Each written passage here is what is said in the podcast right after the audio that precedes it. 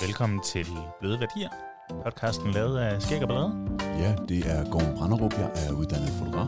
Og det er Jakob Edut, jeg er journalist. Det er en podcast om storytelling, hvor vi snakker med folk, der er gode til at fortælle historier, som inspirerer os, og som forhåbentlig kan inspirere nogle flere også. Øh, hvor vi kan få mulighed for at stille alle de spørgsmål, vi har på hjertet til. Øh, musikken, det står Henrik Palke Møller for, og øh, i dag har vi en spændende gæst i studiet. Det er nemlig Uffe Lauke Jensen. Uffe er øh, Master of Engineering. Han øh, var Managing Director ved Classic World MC fra 1998 til 2009. Så var han Managing Director hos Lauke Jensen Engineering 2009 til 2014. CEO hos FutureTech 2015-2016, og nu er han, efter at have været bestyrelsesmedlem siden 2015, CEO hos HighDrive.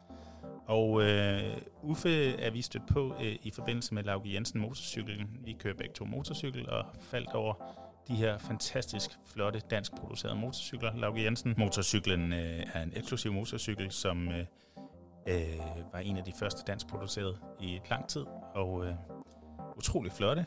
Man kan sige, at Uffe er faktisk ham, der også sørgede for, at øh, vores kronprins han fik hestekræfterne til at blive øh, prinsen på den sorte kværn. Øhm, og øh, i dag der sidder øh, Uffe Lauke Jensen så ved Hydrive, som arbejder med at øh, rense motorer med brint. Og øh, det er noget effektivt stads. Under en undersøgelse er det kommet frem, at øh, en bus ved bykørsel den kunne nedsætte sin udledning af partikler øh, med 33-38 procent ved hjælp af en enkelt behandling med Hydrive.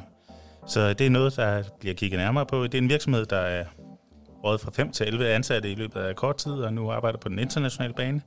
Og øh, derudover kan man sige, at UF er en opfinder, alt muligt mand, har øh, været med til blandt andet at udvikle to typer motorer. Indsprøjtning til øh, motorcykler og en masse andre ting. Så velkommen til dig, Uffe. Mange tak. Kunne du genkende dig selv i det? ja, det kan jeg godt. Det er godt. Og øh, udover det, så er du også øh, lokal ude fra Gedved. Ja, jeg har boet i Gedved i... Øh, jeg kom til Gedved i 2002. Ja. Øh, boede inde i Horsens på Allégade. Ja. Og øh, startede faktisk med at importere motorcykler derfra. Ja. Øh, det startede egentlig ved, at jeg, jeg altid godt kunne lide at bygge motorcykler Mm. og, og, og mekanik. Ja. Øh, tre måneder efter jeg fik mit øh, kørekort, der kører jeg frontalt sammen med 89 år, det er fire år for et ildebefindende. Nå. Og tilbage i 92, når man fik øh, piskesmæld, så var det bare en konstatering på, at man var blevet en pyllerøv overnight. Okay. Så jeg havde piskesmæld og øh, øh, har lært at leve med det. Ja. Ja. Fordi det tror jeg, det er det vigtigste, det er at finde ud af ens begrænsninger. Klar. Øh, jeg kunne ikke fuldføre mit øh, arbejde som entreprenørmaskinmekaniker. Jeg var i lære, og tre måneder før jeg var færdigudlært, kunne jeg simpelthen ikke. Så jeg har aldrig nogensinde fået en uddannelse. Jeg har, et, jeg har ikke et stykke papir på, at, at, at jeg kan noget. Nej. Øh, jeg fik 225.000 i erstatning. Ja. Og, og på det tidspunkt, der var min verden sådan, den, den, den, den faldt sgu lidt fra hinanden, fordi hvad fanden skulle jeg? Jeg havde pisse ondt over min læsag, og blev en hypokonter, og jamen, det var ikke det fedeste. Nej. Men jeg tog en jordomrejse sammen med en rigtig god makker. Ja. Inder i Australien. Finder ud af, at motorcykler er pisse billige dernede. Og så øh, tænkte jeg på, at jeg vil til at importere motorcykler, fordi jeg havde jo de her 225.000, dem kunne jeg starte et lille firma for. Jo. Starter ud i, øh, da jeg kommer hjem i Horsens, der er noget, der hedder Horsens, øh, en form for væksthus, og tager derop øh, og forelægger min plan, og siger, åh, oh, nu skal jeg sådan og sådan. Og der kunne man få tre timer gratis ved en advokat, og tre timer gratis ved, ved en, øh, øh, en revisor. Ja, så var man ligesom i gang derfra. Ja, ja, og, og, og jeg lavede det mega fedeste plan, og kunne tjene mega mange penge på papiret. Ja. Der skulle jeg faktisk rejse til Australien og hente nogle motorcykler. Min far øh, snakkede med en af hans kammerater, og han siger, at han skal ikke til Australien, han skal til øh, Canada i stedet for i Toronto. Ja. For der havde han en gammel kammerat over, øh, en der hed John. Og John han øh, stod for alt øh, reservedel for Volvo øh, i, øh, i øh, Nordamerika. Ja. Så jeg ringede til John og hoppede på en flyver og fløj over til Canada i Toronto og ventede på, at der var en, der hed John, der samlede dem op. Og og så- lykke og fromme. Og så øh, kørte vi faktisk rundt og begyndte at sælge, øh, købe motorcykler. Ja. På det tidspunkt, der var det meget Triumph, Norton og BSA, altså gamle engelske motorcykler. Mm-hmm. Og der, øh, der har jeg hentet, jeg tror, ja det ved jeg ikke, måske 200 engelske motorcykler Ja. over tid. Men der var ingen penge i det, fordi Nej. At alle af dem, og det er ikke for at genere nogen, men mange af dem, der kører engelske motorcykler, de er nære i røve.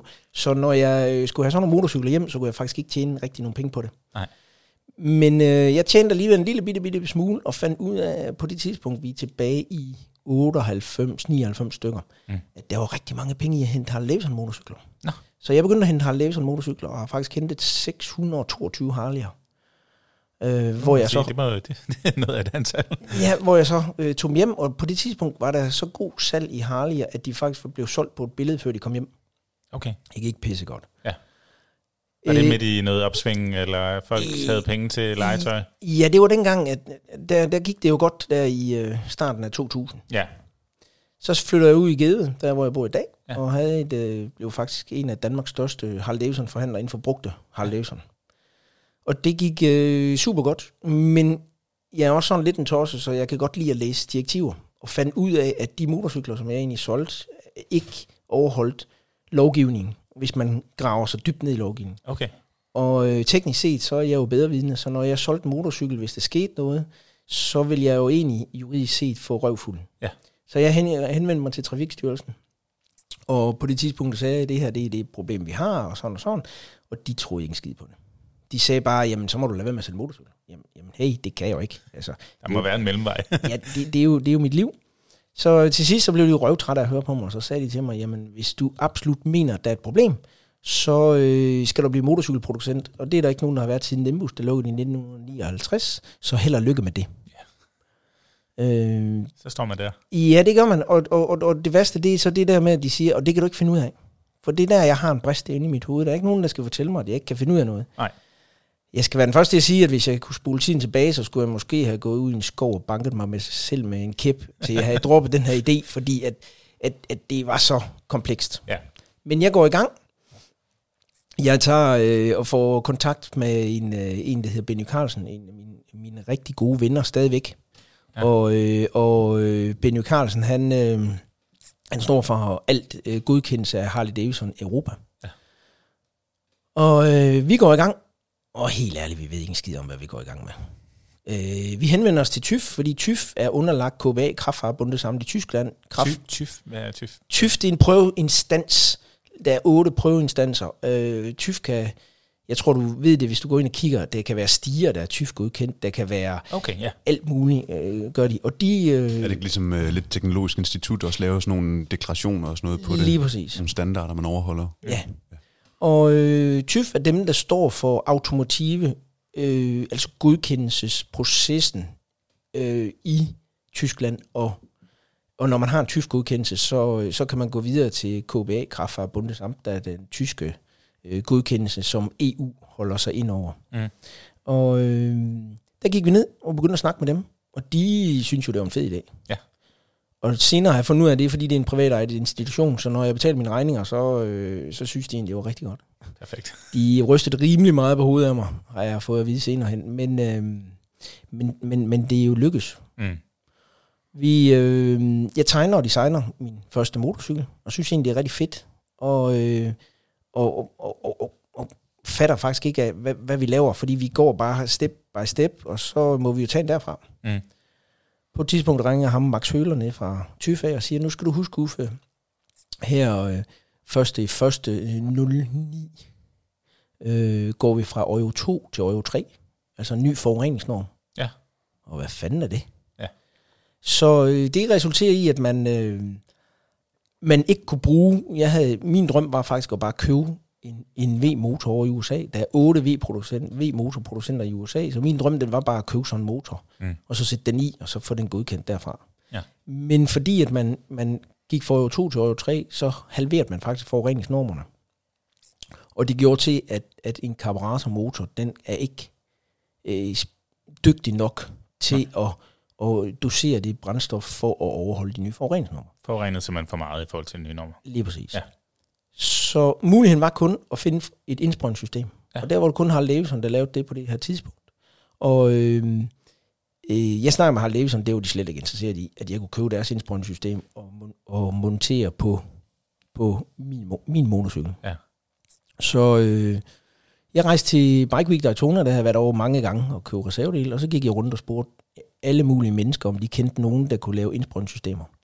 Og jeg fandt en, øh, der sagde, jamen prøv at snakke med, med Stuart Prince fra øh, Kalifornien. Han er lektor i, eller doktor i ren luft over i, over i Cambridge University.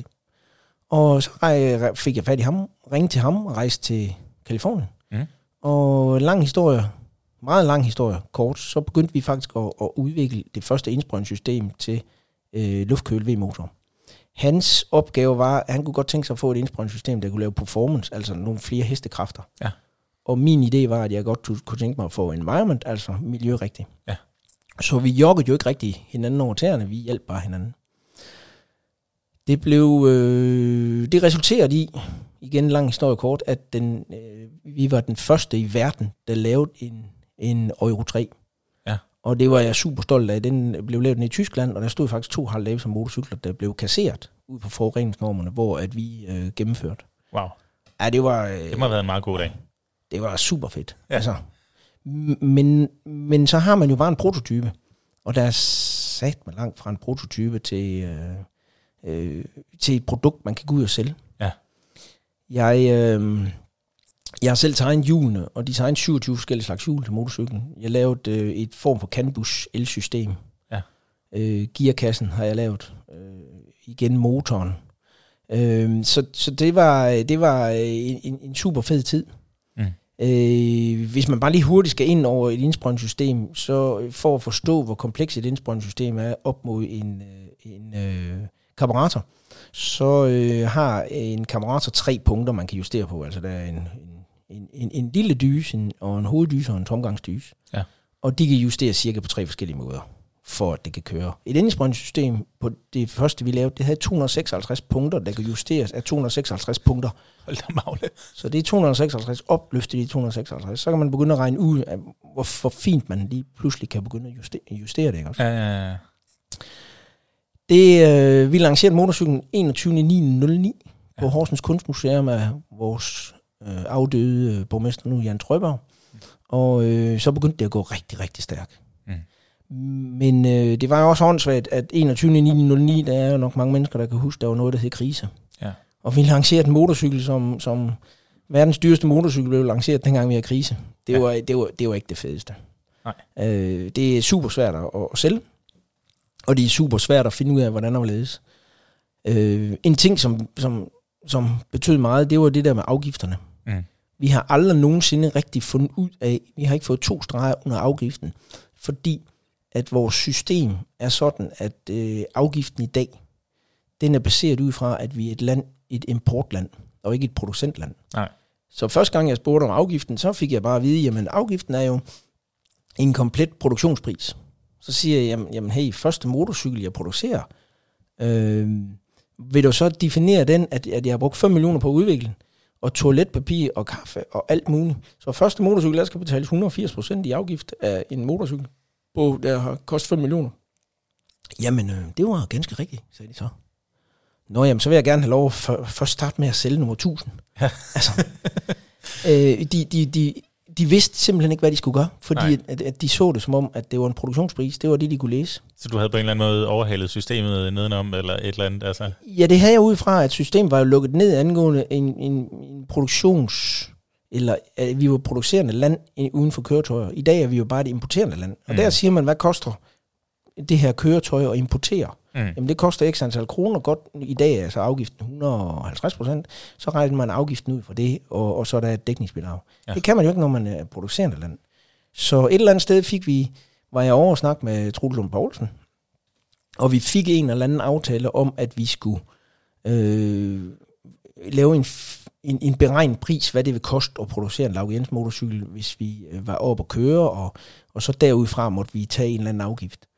Og, og, og, og det fik vi aldrig nogensinde på skrift. Jeg har aldrig nogensinde fået det på skrift, og jeg har rykket efter det, og så var der jo den der tur med Troels Lund Poulsen og Helle thorning Schmidt, og så kom Tore Møre ind, og Tore Møre vil ikke rigtig tage beslutning om, hvad Troels han havde sagt, og så kom kom øh, Holger K. ind, og K, Holger K. har jeg et fint brev fra, hvor der står, jamen alt det, du har aftalt med Troels Lund, jamen det vil jeg ikke øh, tage nogen beslutning om.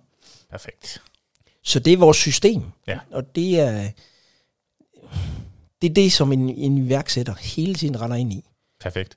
Jeg stopper der lige en, en halv, Ja, ja. fordi at det vælter ud med gode historier, og øh, både øh, systemkritisk og teknisk og så videre. Og det her er jo en podcast, der handler netop om gode historier og historiefortælling. Øh, så, så lad os lige prøve at, at, at få lagt et fælles fodslag og sige, hvad, hvad betyder storytelling egentlig for dig, Gorm? Jamen, øh, i dit oplæg, der synes jeg egentlig, vi kom sådan en lille smule ind i den her eventyrfortælling omkring øh, øh, prinsen på den sorte kværn. Og øh, for mig, der bruger jeg jo storytelling, når jeg fotograferer. Øh, jeg er uddannet op for Journalisthøjskolen som fotojournalist og bruger historien til at bygge noget op, som jeg gerne vil fortælle noget omkring. Øh, jeg bruger den til at vække nogle følelser med. Jeg bruger den til at... undskyld øh, få, få øh, nu stiger jeg situationstegn, øh, solgt et produkt til nogen, altså til at tabe ind i min historie og, og, og flyve med på min rejse. Og jeg kan jo mærke, at, at, at det du fortæller er jo passion, og, og, og allerede der har vi jo en vigtig ingrediens i historiefortællingen.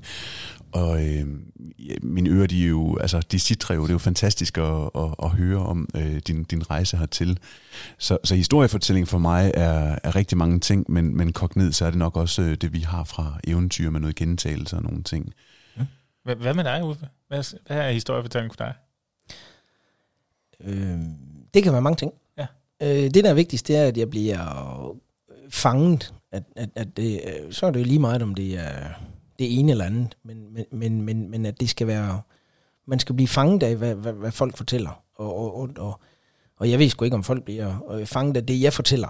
Men, øh, Der sidder to her, der er ret fanget, skulle jeg. Men øh, jeg har haft et andet, andet liv, og jeg lever, eller ikke lever, jeg har, jeg holder mange foredrag, der hedder, der hedder Torsens Liv, fordi at, at, at, at hold kæft, man, hvis jeg kunne kigge mig selv, øh, hvis, jeg kunne, hvis jeg kunne vide, hvad for nogle fejl, jeg har gjort, Mm. og slappe af, så havde jeg tjent penge. Jeg har jo ikke tjent penge endnu. Jeg drømmer stadigvæk om at, at, at, at tjene nogle penge. Jeg drømmer ikke om at blive millionær. Jeg drømmer om at blive økonomisk uafhængig og ja. få et godt liv. Men, øh, men hold da kæft, det har kostet nogle lærepenge. Og, øh, men, men som jeg altid siger, det, det er derfor, at sidespejlen er så små i en bil, og forruden er så stor, det er, at man skal kigge fremad. Lige præcis. Det er et godt Så. citat, det der. Og, og, og det betyder jo, at der er folk, der gerne vil lytte til din historie. Hvad skal der til for at fange dig en god historie? Uh, den er, det kan være alt. Bare, ja. bare det, er, det, det, det er spændende at høre på den person, der snakker. Mm. Øh, så synes jeg egentlig, at det er ligegyldigt, om det er øh, en eller anden program over DK4, eller det er Discovery, eller hvad det er. Altså, jeg, jeg synes, jeg er meget bredt i, at, at det er ligesom, når jeg hører musik. Jeg, jeg hører alt musik. Øh, så, så hvis du har en god historie om det er det ene eller andet, så synes jeg bare, det er spændende, og så kan jeg godt lide at bare lære. Ja. Så noget med at blive klogere. Det kommer vi faktisk også ind på øh, senere, fordi at, at det er jo sådan nogle, hvad kan man sige, ret komplicerede ting, du arbejder med. Teknik er ikke sådan allemandseje, kan man sige. Når man, når man dykker ned i øh, indsprøjtningsmotorer og så videre, så er der nogen, der automatisk vil stå fra. Øh, er på den. Men, men, men, men det der med at få folk til at forstå, at her ligger der en god historie igennem, det, det er noget, vi skal, skal snakke om lidt senere. Men hvis du kigger på dit liv som iværksætter, Ja. hvordan tænker du så, at du har brugt historiefortælling? Øh, altså, jeg tænker, Lauke Jensen, motorcyklerne er jo, er jo et godt sted at starte. Der er jo masser af historier om passion og øh, drengedrøm i virkeligheden i Ja. den fortælling. Ja. Øh, Lauke Jens motorcykler har nogle fede historier. Ingen tvivl, og jeg har oplevet rigtig meget i mit liv. Øh, jeg har haft optur, og jeg er med mig har haft nedtur. Ja.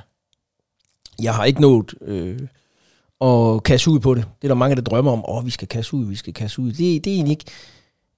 Jeg vil da gerne have, at jeg kan betale mine regninger, og jeg vil da også gerne tjene nogle penge. Ingen tvivl. Men, men, men missionen om at, at blive mange millionærer, øh, så nu bliver min far sat med galt, når jeg siger sådan. Men, men, men, men det, er ikke, det, er, det er at have et godt liv, og man kan, kan blive økonomisk afhængig, hvor man øh, kan betale sine regninger og have det godt. Ja. Det er helt oprigtigt. Det, det er som øh, jeg som iværksætter. Jeg vil hellere gå ude i værkstedet og rode med alle mulige mærkelige idéer. Og øh, have beskidt fingre og øh, høre på noget radio. Og, øh, end jeg vil sidde foran en computer og, og jakkesæt og slips og sidde i bestyrelsesmøder og sådan noget. Altså, jeg magter det ikke. Men, men jeg tænker, der er jo noget fantastisk historie i, så at vælge, at, hvis det er det, der er ens mål, at gå i en retning, hvor man producerer motorcykler fra en halv million og, og op efter med indbygget ædelsten i til den kongelige familie. Altså, jeg tænker, der er andre veje, man kunne være gået. Hvad tænker det være, det er den fortælling, du er dykket ned i? Lysten. Ja. Det er lysten. Jeg, øh, jeg har jo altid... Øh, min første motorcykel byggede jeg som 16-årig. Mens mine kammerater rendte ud og kiggede på damer og drak bajer, så sad jeg hjemme og byggede en motorcykel. Det var en Indian Scout fra 1939. Jeg har den stadigvæk hjemme i min stue. Stå. Wow. Den kører helvede til. og det gør den, fordi at, øh, der gashåndtaget til den forkerte side, fordi det er en politimotorcykel. Ja. Og dengang tilbage i tiden, der skulle man kunne køre og give gas og skyde samtidig. Og så måtte man ikke give gas med højre hånd, fordi der skød man jo. Det er klart. Og, øh, og der er fodkobling og håndgear og tænding over i gashåndtagssiden, så når, der, når, der, når du er ude og køre på den, så ser du sgu ikke, om der er rødt eller grønt, fordi at, så kører du bare. Så den står hjemme i stuen, og jeg elsker at bygge motorcykler, jeg elsker at designe dem. Øh, så fik vi lavet Lauke Jens motorcyklen, og, og, og har solgt til rigtig, rigtig, rigtig mange gode mennesker. Mm. Og der er nogle kendte iblandt, øh, ingen tvivl. Øh, nu nævner du selv kronprinsen, Karoline Wozniacki. Ja. Karoline Wozniacki er det sødeste menneske, og, og det er hendes forældre også. De er, og Patrick også, hendes bror, og har stadigvæk lidt kontakt med Patrick. Det er ikke, fordi jeg har øh, kontakt med Karoline, men, men, øh, men de, er, de er nogle super søde mennesker. Og øh, det gjorde vi egentlig, sådan som vi fik hul der igennem, det var fordi, at, at, at jeg vil gerne gøre noget for, for, for omgivelserne. Mm. Og da Lauke Jensen havde en lille bitte smule øh, penge på bogen, så øh, blev vi enige om, at vi skulle donere en motorcykel en gang om året til syge børn i Danmark. Så vi gik, øh, jeg kontaktede noget, der hed KidSaid, som stadigvæk eksisterer. Og så sagde jeg, at vi, vi vil gerne donere en motorcykel en gang om året til syge børn i Danmark. Hvorfor var det vigtigt for jer? Jamen, for det første var det vigtigt, at vi kunne se, at vi kunne, øh, de der sygebørn, de kunne fandme bamse med at få nogle penge. Ja. Og så samtidig med, at øh, ingen tvivl, så var det også øh, fedt at få noget omtale fra Lauke Jensen. Hey, øh, dansk motorcykel, de gør noget øh, for, for, for, for, for børnene, ikke? Så der var nogle værdier, der I kunne spejle jer i? Eller? Ingen tvivl, ja. og der var også noget reklame i det. Selvfølgelig. Øh, det, det er jo... Det er jo, vi er jo verdensberømte i Danmark, mm. men, men at, at gå ud over, over grænserne, det er, jo, det, er jo, det er jo sindssygt, som man skal bruge øh, økonomi og sådan noget til det, ikke? Det er klart. Så øh, øh, vi startede med, han hedder Søren Bak, jeg ved ikke, om han er der stadigvæk ved KidSaid, men Søren Bak, han, øh, øh, han var direktør der, og, og han kendte rigtig mange mennesker, og så siger han, jamen vi skal gøre et eller andet overud. Vi skal have en eller anden kendt til at designe den her motorcykel. Mm. Og han kendte jo en hel masse af dem, så det resulterede i, at Karoline Wozniacki gik med på at designe den her motorcykel, ja. som, som vi donerede. Og det var sådan, jeg lærte hende at kende. Og den blev lanceret, og, øh, og, og da hun ser den, så... Hvad, jeg har faktisk afleveret den. Og da hun ser den, så øh, ringer Patrick til mig og siger, kan du ikke vende om, fordi Karoline, Karoline vil egentlig også gerne have en motorcykel. øh, cool. Så jeg vendte om og øh, snakkede med hende og farmand og mor, og de er en rigtig, rigtig hyggelig familie. Ja. Og så øh, blev aftalen faktisk, at vi skulle til at, at bygge Karolines egen cykel. Mm. Og jeg, jeg, altså, da jeg læste om det, der tænkte jeg, hun spiller tennis. Hun kører da ikke motorcykel. Men det gør hun så. Nej, Lauke Jens motorcykel er blevet en... Jeg tror kun 5 eller 10 procent af dem, der har Lauke Jens motorcykel, kører på dem. Nå. Uh, det er blevet sådan et, et, et, et objekt, hvor man har dem til at stå. Okay. Det er super fedt, Så fordi er- så er der heller ikke reklamationer. så det, det er et meget, meget dyrt designermøbel. Ja. Ja. Og øhm, jeg, jeg, jeg, kommer tilbage, øh, snakker lidt frem og tilbage med dem, og det går rigtig godt, og vi aftaler så, at vi skal mødes over i København igen, og jeg siger til dem, prøv, prøv at lægge hovedet i blød om, hvad det er for nogle effekter, øh, gadgets, ting, vi kan lægge ind i den her motorcykel. Og øh, der får jeg en hel masse guld af dem. Jeg får Karolinas mors ring, og hendes ørestikker, som hun havde på den aften, hun mødte Karolinas far. Ej, det er stort. Ja, ja, og, og det, er faktisk, det er faktisk lagt ind i den her motorcykel. Wow. Så Karoline, Karoline, hun har altid, når hun spiller, så har hun sådan et, øh, en firekløver, hun har fået af sin, jeg tror det er mormor. Og, øh, og der står noget på polsk på Ja. den, og det er sådan en, der bringer lykke. Ja. Og den lavede vi en tro kopi af i, øh, i øh, 24 karat guld, og skrev det der på polsk. Og den sidder også på motorcyklen, og øh, der er billeder af hendes hænder øh, på motorcyklen, fordi det betyder et eller andet, hun spiller jo. Uden dem tennis, var eller- hun jo i virkeligheden ikke så meget. Nej, det er jo det. Nej. Så øh, vi får faktisk designet en rigtig, rigtig fed motorcykel. Så har jeg en hel masse guld i overskud, jeg fik hende.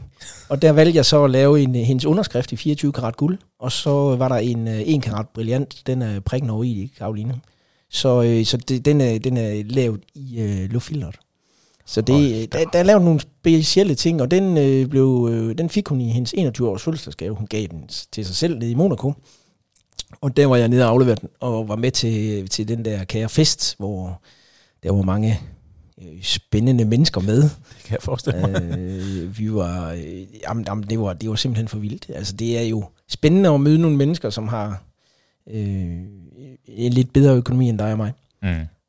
Øh, og, og, og de giver en gas nogle gange, og det er skide hyggeligt. Hun er, hun, hun er bare så sød, og det er hendes familie også. Øh. Og misforstå mig ret, alle de her ting, de er jo ikke nogen ting, der kræver for, at motorcyklen kan køre. Det er alle sammen historier, man putter uden på et øh, ellers velfungerende stykke maskineri. Så hvorfor var det vigtigt for hende med at få koblet alle de her historier på den motorcykel? Jeg tror, at, at det, jeg har gjort, det er, at hver eneste gang, jeg bygger en motorcykel, så, så laver jeg en personlig. Ja. Til hver enkelt person. Altså, kronprinsen har nummer 26, fordi han er født den 26. Og så har den ellers nogle, nogle andre features, fordi at det er det, folk gerne vil have, og det, det er det, som, som vi kunne gøre unikt. I stedet for du bare... Blandt andet hans tatovering, han fik i frømandskorpset, den havde I gengivet på den, ikke? Var det ikke en del af det? Den er, den er faktisk lidt sjov, fordi at, at øh, han er bare så cool, og han er bare sådan lige til. Ja. Så øh, da jeg sidder over ved ham, over på, over på over ved Københavns største rundkørsel derovre, sidder på en kop kaffe, og vi sidder og snakker om det. Og så siger han, den, den, den kunne han godt tænke sig at få ind. Øh, så siger jeg til ham, jamen, om, om, om de havde en pdf-fil eller et eller andet. Nej, det havde han ikke. Så han smed benet op på bordet, og så tog jeg bare et billede med min telefon. okay, og, og, og jeg husker tydeligt, at jeg sagde, jamen, det er sgu da en fin delfin. øh, men det var altså en tierhej, men den var ved at være lidt vissen i kanten. Så, øh, så, så vi... Øh, Nå, ja. Øhm, så vi fik den øh, redigeret en lille smule, fordi at, at den, den var, ja, men den, den går til over tid, lad mig sige det sådan. Og øh, fik øh, lavet en super fed motorcykel til ham, hvor han var med ind over, over mange ting. Rigtig han, mange ting. han kører rent faktisk på den, gør han ikke? Det er jo ved at være et stykke tid siden, jeg snakker med ja, ham. Ja. Men, men jo, altså, øh, den, den blev afleveret op på Fredensborg. Ja. Og der sagde han, at jeg selv skulle tage min egen motorcykel med, og så øh, kørte vi en tur med øh, rigtig fin ekskorte, og, og den... Øh, det, det, øh, det, det var har rigtig, også været en god dag, tænker jeg. Det har også været en god dag, ja. ja. Det, øh, det, øh, det gik godt den dag. Men hvorfor er det vigtigt for de her mennesker, at motorcyklen bliver så meget en fortælling, at det ikke bare er et køretøj, men det er personligt ude i ekstremerne, når vi taler guld og brillanter, så bliver det jo nærmest ikke mere ekstremt. Altså, hvor, hvorfor er det vigtigt at gøre det her så personligt? Jeg tror, vi lever i en tid, hvor, hvor at, at, at vi gerne vil skille os ud. Det er ligegyldigt, om det er det ene eller andet, men, men, men vi gider ikke at bare være en del af det. Nej. Og, øh, og, og, og, og, vi, vi laver noget unikt. Man laver noget unikt, så, så øh, hvis man bliver bare en del af flokken, så er det jo ikke unikt, og, og, og man har råd til i dag at, at købe sig til at være anderledes. Altså, et kviomaleri er jo også et kviomaleri, fordi der er en af den slags i verden. Ja, Derfor er det så dyrt. Ja. Og, øh, og, og på, på den måde kan man lave det unikt. Det kan også blive et problem, fordi at, at, at de, mange af de motorcykler, jeg har lavet, er jo blevet så personlige, at, at det er jo totalt nederen, hvis det er, at, at du køber en Laug Jens motorcykel, og så står der, at jeg, jeg elsker Begitte på den, fordi at ham der egentlig fik den lavet i tidens morgen, hans kone hed Begitte. Ja. Så, så på den måde, men jeg, jeg tror ikke, folk køber den for, for at skille sig af med den igen. De køber den, fordi at, at de øh, samler på den. Ja, og så vil det være en, der bliver arvet af, ja. at gå videre i familien på ja. en eller anden måde. Ja, det er præcis. Hvor mange, øh, hvor mange motorcykler nåede, nåede I op på at lave? Øhm, helt ærligt, jeg ved det ikke. Jeg, jeg, tror, jeg tror, vi ligger omkring 125. Ja. Men jeg var ikke... Øh, jeg, jeg kom jo øh, sammen med Anders Kirk, Lego Raving, og øh, en rigtig, rigtig god mand. Men øh, kemien passede sgu ikke. Nej. For, for, for, for at være ærlig. Og derfor valgte jeg at, det er jo dem, der har pengene, der, der slår takt, og øh, derfor valgte jeg at trække mig. Mm. Og så, øh, han sælger stadigvæk nogle motorcykler nede i My Garage, tror jeg. Øh, Jeg tror, det er begrænset, hvad han sælger, for der er mange, der ringer til mig stadigvæk og siger, hvad med den motorcykel, og hvad gør man der, og sådan sådan. Og øh, ja, firmaet var ikke større, end det var, det var den der torsen bagved det, det, de gerne vil handle med, og ikke bare en eller anden. Altså, det var måske også der, hvis man skal kigge ind af, hvad problemet var med Lauke Jensen, det var, at, at, at, at folk ville skulle handle med mig, og, og, og jeg kunne designe dem og lave dem helt unikke. Det er mm. jo ikke bare, vil du have en sort eller rød eller blå. Så Nej. i den situation tror jeg, at, at, at, at lige i øjeblikket, at, at firmaet havde mere behov for mig. Altså selvfølgelig skulle man have gjort sådan, at, at, at jeg blev at jeg også kunne trække mig tilbage, men lige der, der, øh, der var det måske, havde det for Lauke Jens motorcykel været bedre, at jeg var blevet. Lad os lige snakke noget mere om tossen bag, som du selv siger. Ja. Øh, vi tager lige sådan en gang over her.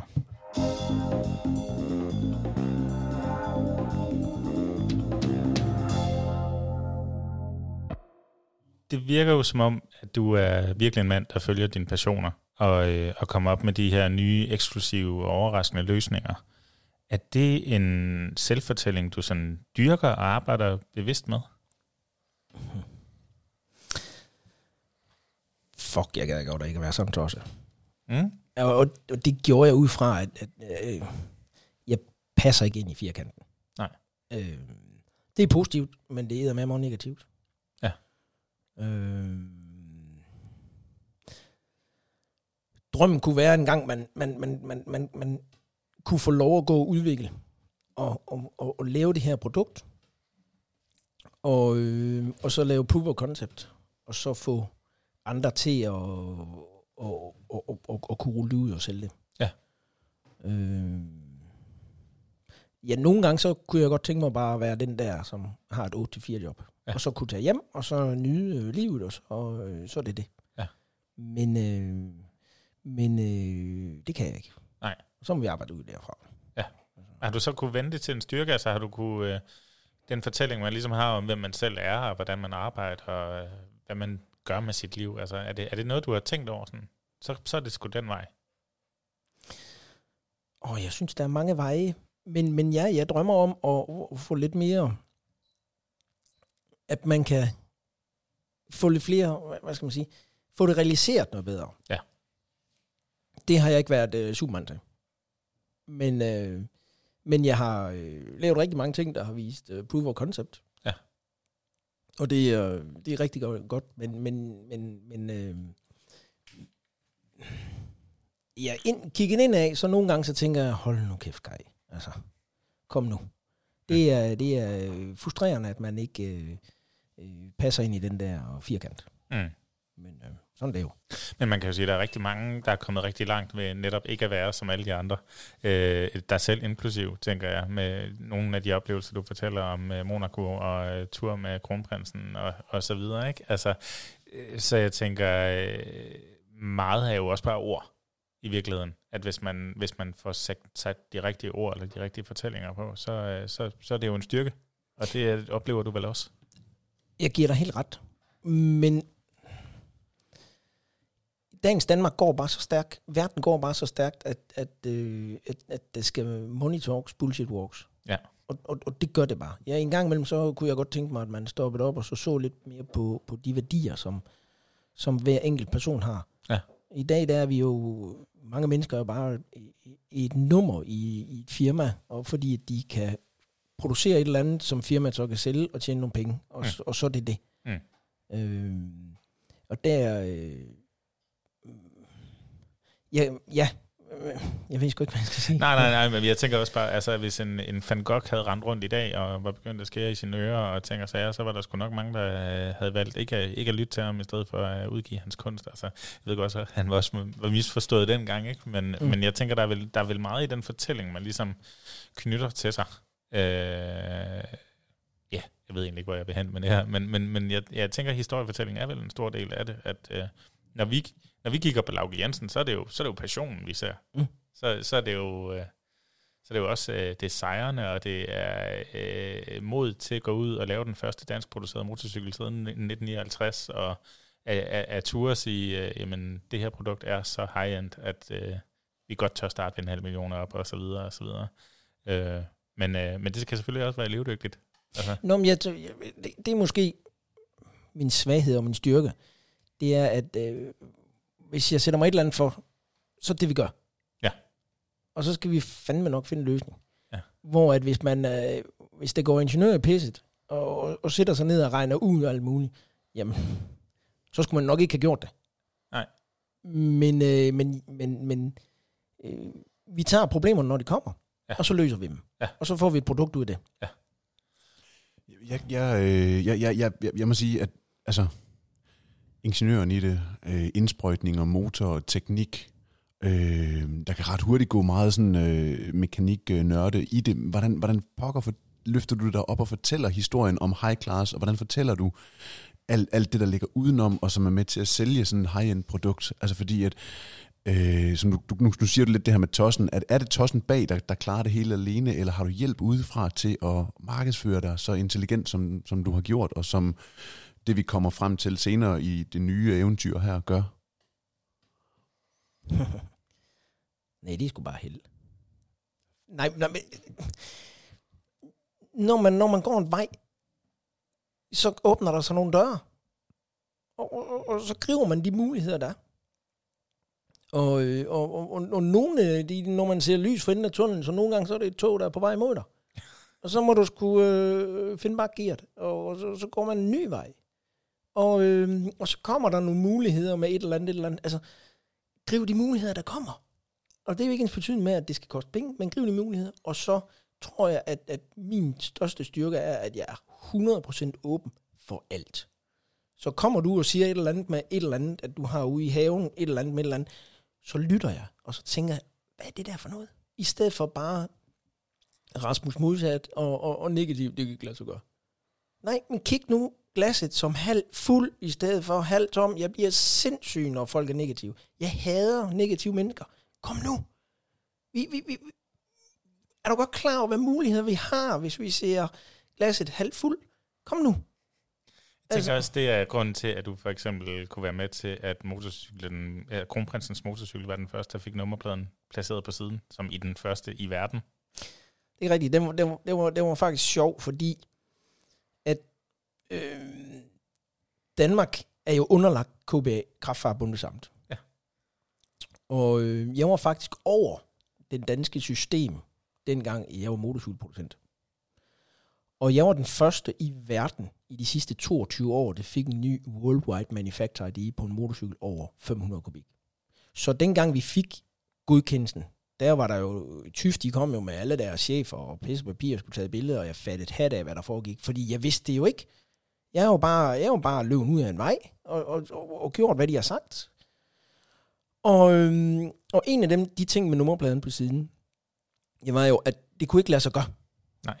Så jeg blev ved med at sige, hvorfor kan det ikke lade sig gøre? Og gudskelov, så når man snakker med TYF og KBA, jamen, så fortæller de jo, hvorfor. Det er jo det, jeg godt kan lide, det er, lad nu være med bare at sige nej. Jamen, det kan ikke lade sig gøre. Hey, hvorfor kan det ikke lade sig gøre? Jamen, det kan ikke lade sig gøre. Godt. Hvorfor kan det ikke lade sig gøre? Det, det er ikke derfor, derfor. Nå, men så må vi løse de problemer. Glasset halvt fuld. Ja. Så jeg løste det problem, og jeg lavede et nyt direktiv, som faktisk er blevet implanteret i KBA's lovkrav. Og det resulterer i, at nu, når du jeg ser en Harley Davidson, en ny Harley Davidson med nummerpladen på siden, så er det mit fucking direktiv, der ligger til grund for den her motorcykel med nummerpladen på siden. Og, og det er da totalt blæret, synes jeg. Det er da Det- kæmpe blæret. Jeg ved godt, man ikke kan gå ned og købe en liter mælk for, Det kan man for det, men altså, Det kan man ikke. Jeg tænker, det er enormt meget værd at samle på sådan nogle ting også. Ja, ja, ja. Og, og, og det er det da. Men, men, men der, og der var jo ramaskrig i Danmark. Og, og, og, og, det, der var sjovt, det var, at vi havde så 10 motorcykler, hvor vi kørte test. Og dem havde vi fået lov til at køre test af, af systemet. Men ikke af politiet. Så der var jo rigtig mange gange, vi blev stoppet. Det er klart. Og så Jens Betjent, øh, nogle af dem er, er rigtig søde, og andre, de øh, er måske ikke blevet holdt nok Øh, fra børns ben, så de øh, har behov for at hæve sig. Så jeg havde nogle gode diskussioner med nogle betjente. Så, øh, så lige pludselig så kom øh, øh, en hel masse betjente ind og holdt, øh, fik et foredrag om Lauke Jensen, og hvad man kunne gøre, og hvordan man ville læse lovgivningen. Og det resulterede i, at der er faktisk mange betjente, der spurgte mig til rådet, han kunne motorcykler senere hen. Så øh, jeg tror bare, det, det, det er måske der, hvor jeg er dum, fordi at, at jeg ser ikke... Øh, jeg springer bare ud i det. I skal nok finde en løsning. Kom nu. Fedt. Og øh, løsningen blev det jo også til. Øh, vi skal snakke lidt mere om, øh, hvor du er henne i dag, og, øh, og vejen derhen til. Så vi tager lige et stykke musik igen.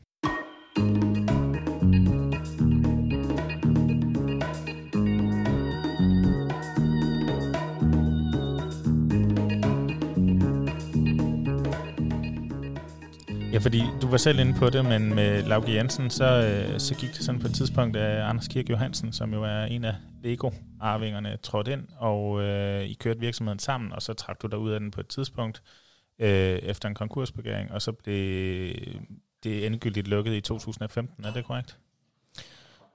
Uh, ikke helt. Nå, okay. øh, det, der sker, det er, at, øh, at i uh, 2000 og, det har været 2012, kommer jeg i, i, i knibe via min bank, Vestjysk Bank. Øh, vi har fået et vækstlån. Nej, vi har faktisk fået en vækstgaranti ved Vækstfonden. Og Vækstfonden og min bank bliver uenige om nogle ting. Og det resulterer i, at min bank siger, jamen hvis Vækstfonden ikke gør, som, som de gerne vil have det, så, øh, så lukker min bank faktisk min kassekredit. Fordi at mellemværen mellem, mellem, mellem det ene og det andet var faktisk Vækstfonden og banken, og ikke mig og Vækstfonden. Okay. Så der i 2012, så er det den hårde vej ned og, og sige, at øh, nu lukker festen, fordi at min bank hævede øh, kaskreditten og sagde, at vi skulle betale den ud, fordi de var blevet uvenner med vækstfonden. Ja. Øhm, det er sgu lidt hårdt. Men øh, så skulle man jo til i gang med at finde nogle nye investorer. Og der var Anders Kirke Johansen. Og så var der faktisk Peugeot-fabrikken nede i Frankrig. Ja i en stille stund kunne man godt ønske sig, at man måske har valgt Peugeot-fabrikken, men så er vi tilbage til, at der er en vej det er fremad. Ja. Men øh, vel, Anders? Og, og han gik ind i det, var det økonomi, eller var det også fordi, han var passioneret motorcykelmand, eller hvad? Anders, øh, sådan som jeg ser det, det var jo passion. Ja. Han har jo han har jo okay med penge, kan vi godt sige. Og, øh, og jeg byggede faktisk, jeg startede med at bygge en motorcykel til ham. Det er sgu en meget god icebreaker. Ja, den var faktisk, øh, og, og den er jeg faktisk rigtig stolt af stadigvæk. fordi det var en, øh, han ryger Cohiba cigar. Ja. Og han kunne godt øh, tænke sig at få det der sædertræ, der er i de der kasser. Den kunne han godt tænke sig at få lagt ned i tanken. Og der skar vi dem faktisk i 1 mm strimler og lagde det ned i tanken. Og, og så kom der det der Cohiba logo i. Det var pisse besværligt. Øh, og nogle, nogle hans logo i 24 karat guld og nogle diamanter og sådan noget. Det er jo, det er, jo, det, det er faktisk en rigtig, rigtig fin cykel, jeg har lavet der. Ja. Øh, det, det er simpelthen nødt til at sige, det er så vildt at høre de her fortællinger, altså fordi det er sådan noget, man, man ser på film eller læser om i bøger. Jeg troede slet ikke, der fandtes den type af både håndværk og folk, der ønsker den type håndværk udført i, i lille Danmark, men det er der så. Ja, ja. ja. Og, og vi har nogle pissegode øh, personer ja. omkring. I skal huske på, at, at øh, i sådan nogle situationer er det jo ikke mig. Nu skal jeg stoppe med at klappe mig selv på skulderen, fordi at, at jeg finder jo de rigtig fede mennesker, der kan det her. Ja. Og jeg har nogle, nogle super fede billeder, og det er ærgerligt, at det er en radio, så de ikke kan se nogle billeder, men jeg har Vi nogle, kan lægge nogen op på øh, vores Facebook-side. Ja, ja. Øh, nogle super fede billeder af det. og øh, jamen, jamen, så kommer Anders ind, og det går faktisk, det går godt. Men Anders, igen ud fra min vurdering, er en mand, der kører meget ud fra øh, lysten. Ja. Og, og, og lige pludselig så blev det hverdag med Lauke Jensen, og, øh, og det, ja, vi, vi passede ikke sammen. Nej. Så, så der, der trak jeg mig, der var ikke noget med, at det gik konkurs eller noget, der trak jeg mig over det, og, og, øh, og jeg ved ikke, om han har lukket til ved CVR-nummeret Lauke Jensen, det har jeg ikke brugt min energi på. Nej. Okay. Så. Men, men, men altså det, det, jeg tænker i det her, er, at det er selvfølgelig fortællingen om nedtur, men det, jeg tænker også, det har været et spring videre for dig. Øh, at, at, øh, at nu er der lige pludselig noget, der hedder High Drive, som også er en kæmpe succesfortælling, vi skal runde. Ja. Jeg kunne godt tænke mig at, at bare lige spørge dig, fordi iværksættergenet er jo, tror jeg godt, vi kan sige, veldokumenteret ret kraftigt hos dig. Øh, tror du selv, du ville været blevet hos Lauke Jensens, ja, Lauke Jensen Motorcykler? Øh, havde det været en økonomisk succes, eller vi, havde du stadigvæk forfulgt andre veje der? Nej, altså jeg mener godt, at jeg kan arbejde for andre. Ingen tvivl. Og øh, drømmen var, at, øh, at, øh, at vi havde valgt at sige, at vi har så, øh, så de her penge, de, de skal investeres, og så at jeg kunne gå og udvikle og rode, og gøre det, jeg var god til. Ja. Øh, og sætte mig for en skrivebord og være administrerende direktør og drift, og så øh, samtidig med, hvis vi snakker om Anders, at, at man også skal huske på, øh, når han fik en ny idé overnight, og få den implanteret og kigge lidt på, hvad økonomien er deri, og ikke være, altid være enig med ham. Øh, det var jo ikke en guldgruppe at, at bygge verdens dyreste motorcykel, så, øh, så vi skulle passe på pengene, og det... Øh, Ja, der blev brugt nogle penge, hvor vi ikke var enige, og, og, og, og det er jo som det er. Øh, fair nok. Øh, det er ham, der var chefen. Så, øh, så øh, valgte vi at gå hver til sit, og, øh, og jeg skal da være den første til at sige, at, øh, at jeg brugte de første par måneder på at sidde ud. Altså, jeg havde... jeg kan bedst sammenligne det med, at du gerne vil være gravid. Det er umuligt. Mm. Du kæmper. Du bliver gravid du får bækkenbundens løsning, du har en vaste graviditet, og når lille Blyb kommer ud, så er det verdens vaste barn med damp og ADHD, og jeg ved fandme ikke hvad. Og så til sidst, så skal du overgive, overdrage dit barn til en anden person, fordi at, at jeg ikke havde økonomi til det selv. Ja. Altså, det, det, det, var, det var en hård tur. Og, øh, og hvem fanden gider ansætte sådan en som mig? Jeg har udviklet to indsprøjningssystemer og to motorer. Det er begrænset i Danmark, hvem der gider ansætte sådan en. Det er et meget nichepræget felt, tænker jeg. Ja, og, og så fordi at måske nogle mennesker, de... Det er måske forkert at sige, at de bliver bange for mig, men, men, men hvis de ansætter sådan en til mig, så vil de egentlig også gerne tjene nogle penge, og, og hvornår får man noget, nogle penge tilbage, fordi at hvad er det nu, han laver, og hvad er det nu, han gør, og sådan og sådan og sådan. Så. Ja. Men hvordan startede så altså det her High Drive-eventyr? Du var med i bestyrelsen fra 15, kunne jeg læse. Ja, altså det, der starter op med High Drive, det er, at øh, jeg sætter mig ned og tænker på, hvad er det, vi kan gøre? Ja. Når da jeg nu var færdig med at tude, så øh, hvad fanden kan vi så gøre? Ja, så det kigger ud af forruden. Ja. Øh, det jeg er god til, det er at, at, at forbrændingsmotor. Og, og, og, og uden at blive for teknisk, så kan man sætte sig ned og sige, at man har kilo brændstof, og det kilo brændstof, det, det giver x antal kilokalorier, og hvor meget energi får man ind ned på, ned på hjulene, om det er en bil eller lastbil eller hvad det er. Mm. Og der kunne jeg se, at, at, at, det er utrolig meget. Det er helt op til 40 procent af de kilokalorier, man læser ind, går faktisk til varme og gearkasser og alt muligt. Og, så, så, så det var super dårligt. Og hvad kan vi så gøre ved det? Så starter jeg faktisk med at lave en øh, ud fra benzin. Øh, fordi at, at når man... En benzinbil kører ikke på benzin. En benzinbil kører på dampe. Mm. Så jeg lavede faktisk en, en, en, en fordampning af benzinen, og der kunne man køre jeg tror, vi er jo helt oppe og køre 28 procent længere på en liter benzin, ved at fordampe benzin og sende det ind bagefter, frem okay. for at sende det ind via indsprøjningssystemet. Ja. Men det duer ikke til en skid, fordi at hvis jeg tager din nye bil, og begynder at flå indsprøjningssystemet af og sætte sådan en fordamper i, så det kan du ikke tjene penge på. Så det var en fed oplevelse, når der står stadigvæk derhjemme, og så kan vi grine lidt af det. Jeg skal lige skynde mig at høre, altså står du og, ude i værkstedet og drejer tingene i metal, og, altså for at få alt det her til at, at blive til virkelighed? Altså, er vi helt ude i teknikken i håndværket, øh, eller hvordan, hvordan bygger du lige sådan en? Jeg skulle da.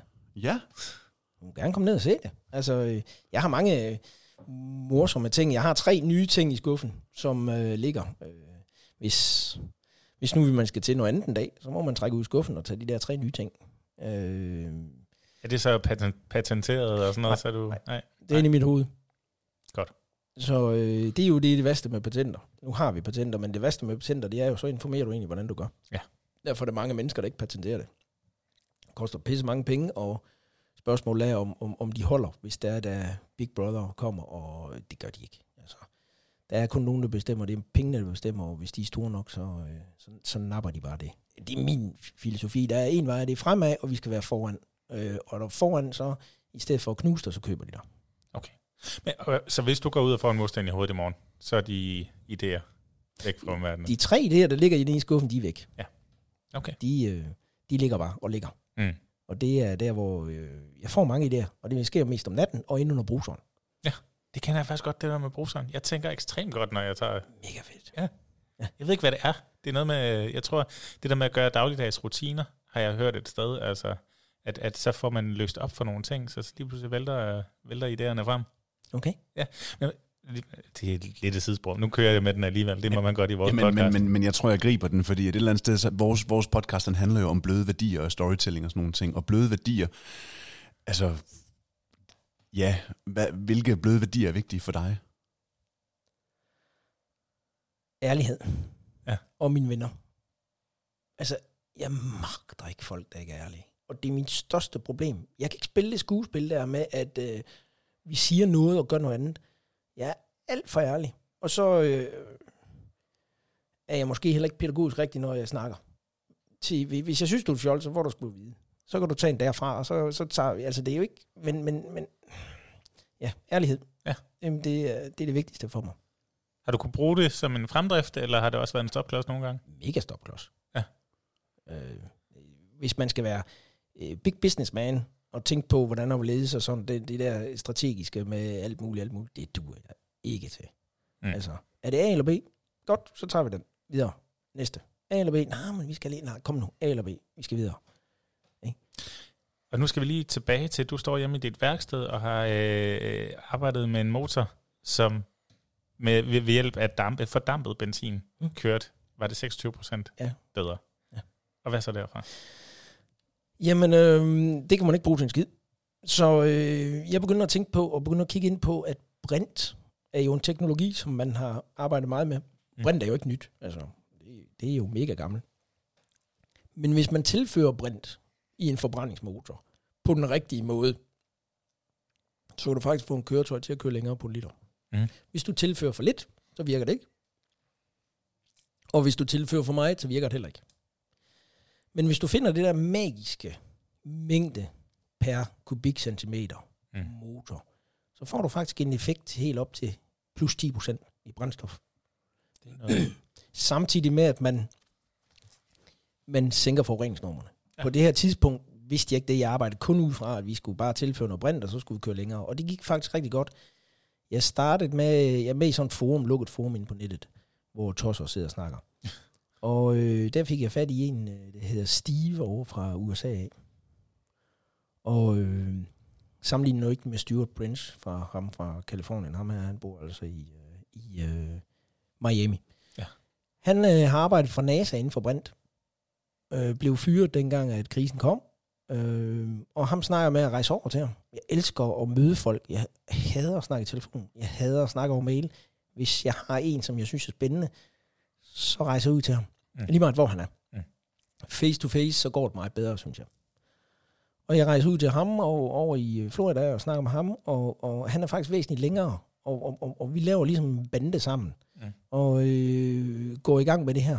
Og det, øh, det resulterer i, at vi faktisk kan øh, få det her til at køre. Jeg, øh, der er nogle ting i det her, der ikke er godt i det danske vejr, fordi at frost, og det skal jo siges, at vi laver brint via elektrolyse, altså anode og katode plus og minus ned i vand, og så kan du til at tilføre øh, strøm, så kan du faktisk få noget brint op. Ja. Vi bruger både øh, brinten og hydrogen. Der kommer hydrogen og oxygen ud fra, om det er plus eller minus. Så vi bruger begge dele. Men jeg finder ud af, at motorerne faktisk er super, begynder at blive væsentligt renere indeni, når det er, at vi har kørt med de her brintgeneratorer. Det var nogen, vi påmonterede dengang. Og derfra arbejder jeg så ud fra, at vi skal prøve at køre en ordentlig røvfuld brint ind med det samme, og se, hvad vi kan gøre ved det. Ja. og, og, og der henvender jeg mig øh, til nogle firmaer, og det, det, på det tidspunkt laver de brintproduktion ud fra, at øh, brint kan bruges til som ilt og gas, et alternativ til ilt og gas. Og vi laver den her maskine, og, og det er den, som jeg har arbejdet videre på øh, nu, og, og, og vi har et produkt, vi sælger, og, og det er pisse effektivt og går godt. Og det er, der kan man simpelthen få renset sin motor øh, ved sådan en behandling der, og, og den står rundt omkring ved værksteder. Den står rundt, rundt omkring ved værkstedet, ja. Ja. Og vores vejledende udsættelsespris er 8,99. Ja. Og, øh, og folk kommer ind, og det tager 20 minutter. Og det, der er sjovt, det er jo, at, at øh, nogle mennesker tænker, hvad fanden er det? Altså, men, men, men hvis man har fulgt med i fysiktimerne i tidernes morgen, så ved man, at brint er et grundstof. Det er det første af det periodiske system, og carbon er det syvende. Og carbon spiser brint, når det er varmt. Nå. Altså, og carbon, det er jo sod. Så soden bliver faktisk brændt om til aske. Og så bliver det trukket med ud. Og derfor kan vi gøre det. Ja. Og, og derfor er det så effektivt. Men, men hvis motoren ikke er varm, så virker det slet ikke. Så det er mega vigtigt, at folk har en driftvarm motor. Men, men så er det også super effektivt. Og, og hvad er den dokumenterede effekt? Da vi så kommer ud og begynder at sælge det, så er der jo rigtig mange, der siger, ja, ja, ja, ja. Øh, så vi øh, sparer øh, en kvart million sammen og får det testet ved Force Technology. Og nu har vi proof of concept. Vi, øh, vi har sænket øh, HC'en med helt op til 88 procent. Vi har HC, jeg har brug for lige at vide det. Øh, HC'en, det er den øh, gas, som man har, øh, dengang at, at, at du var ung og ikke gad at leve mere, så kunne man tage en, en benzinbil, og så kunne man tage udstødningsgassen, eller udstødning, en støvsugerslange og proppe ind i, øh, og så er det HC'en, det er den, det, det, det, det slår dig ihjel. Okay, og den Det- er sænket. Ja, den bliver sænket ud fra, at du har, i dag har man påmonteret en katalysator, og katalysatoren binder, øh, binder øh, hvis vi snakker CO2 for eksempel, og CO, så binder det et øh, iltatom dertil, og derfor så, øh, så sænker man det, og HC det er ikke forbrændte gasser. Altså. Mm. Og så det vil sige, at op til 88% mere sænker vi det, ud fra at bilen faktisk brænder man kan ikke sige, at den brænder 88% renere, men det gør den jo, fordi at der kommer 88% mindre ikke forbrændte gasser ud. Og så er der øh, CO, som øh, bliver renset via øh, katalysatoren, og den øh, sænker vi også super meget. Nu har jeg ikke lige tallene, men, men, men vi snakker plus 50%. Og det er fordi, vi laver katalysatoren, vi, vi, vi bare gør den ren igen, hvis man kan sige sådan. En katalysator, hvis den bliver beskidt, så virker den ikke så godt, som når den er ren. Nej. Ja, og der er jo også kommet, øh, hvad kan man sige, øh, tommel op fra uventet kant, altså økonom, øh, hvad hedder det, økologisk råd. Ja. Kan jeg høre, øh, er ude og råbe højt om, at det her, det burde bare blive implementeret med det samme alle steder nærmest. Ja, altså, øh, Kåre Pres fra det økologiske råd øh, går jo rigtig meget op i øh, partikler og, og noxen. Det, der er sjovt her, det er jo, at, at alle mennesker snakker om CO2. CO2 er jo et globalt problem. Men vi alle sammen udlever CO2. Mm. Og, øh, og, og, og jeg synes, det er synd, at vores politikere, øh, eller verden, eller Greta, eller hvem fanden vi skal snakke om, øh, snakker CO2 hele tiden, fordi at, at vi skal huske på, at en bil udleder NOx, og NOxen er 322 gange mere farlig end CO2, Okay. og det er et lokalt problem. Ja. Men det tænker vi ikke på. Mm, Og, og når- når jeg snakker med politikere, jamen, så er det fordi det er for komplekst at snakke om til her på Danmark. Men det er jo her, vi har problemet. Og, og, og det, er- det, det, kan vi, det kan vi sænke, jeg tror det er 87 procent, vi sænker NOxen. NOxen består jo af, af, af, nogle forskellige ting, ikke også? Og her, her er vi lidt hen i hovedet på sømmet, synes jeg faktisk, i forhold til det, vi snakker om med at, at forstå og fortælle. Ja. Undskyld, jeg afbryder dig, Ja, men, jamen, men, men altså, fordi det er jo kompliceret stof, du sidder med der. Og, og en, en del af din succes, tænker jeg, afhænger af, at folk forstår det. Hvad, Ja, og det- hvad, hvad gør du for og, det? Altså, Og det er fandme et problem frem for at lave en motorcykel. Fordi en motorcykel er pisse sexet, og man kan smide nogle damer op med nogle stuer og dutter. Og så øh, kan man øh, tage nogle flotte billeder, og så synes folk bare, det er mega fedt. det er svært på en drive. Ja, det er sindssygt. Det er jo det mest kedelige produkt.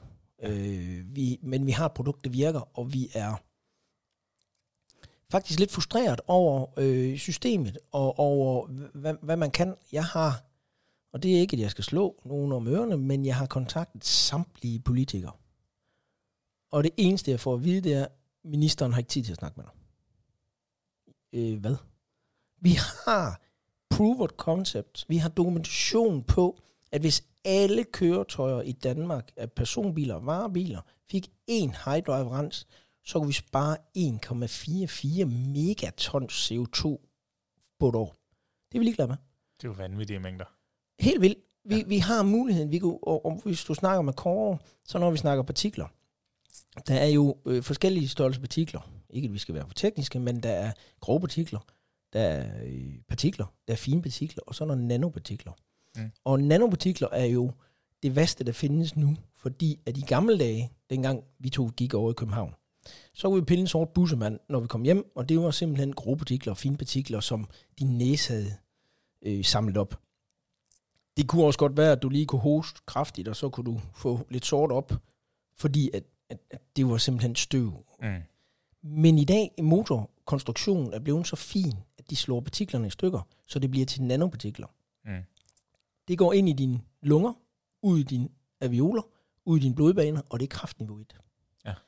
Og det er det Kåre, han slår på hver eneste gang, at han er i fjernsynet, som I kan se, så står han med den der partikelmåler og fortæller om, og sådan og sådan og sådan. Vi har dokumenteret, at vi kan sænke det op til 90 procent, bare ved en rensning. Med de eksisterende køretøjer, der kører inde i København. Busser, entreprenørmaskiner, alt muligt.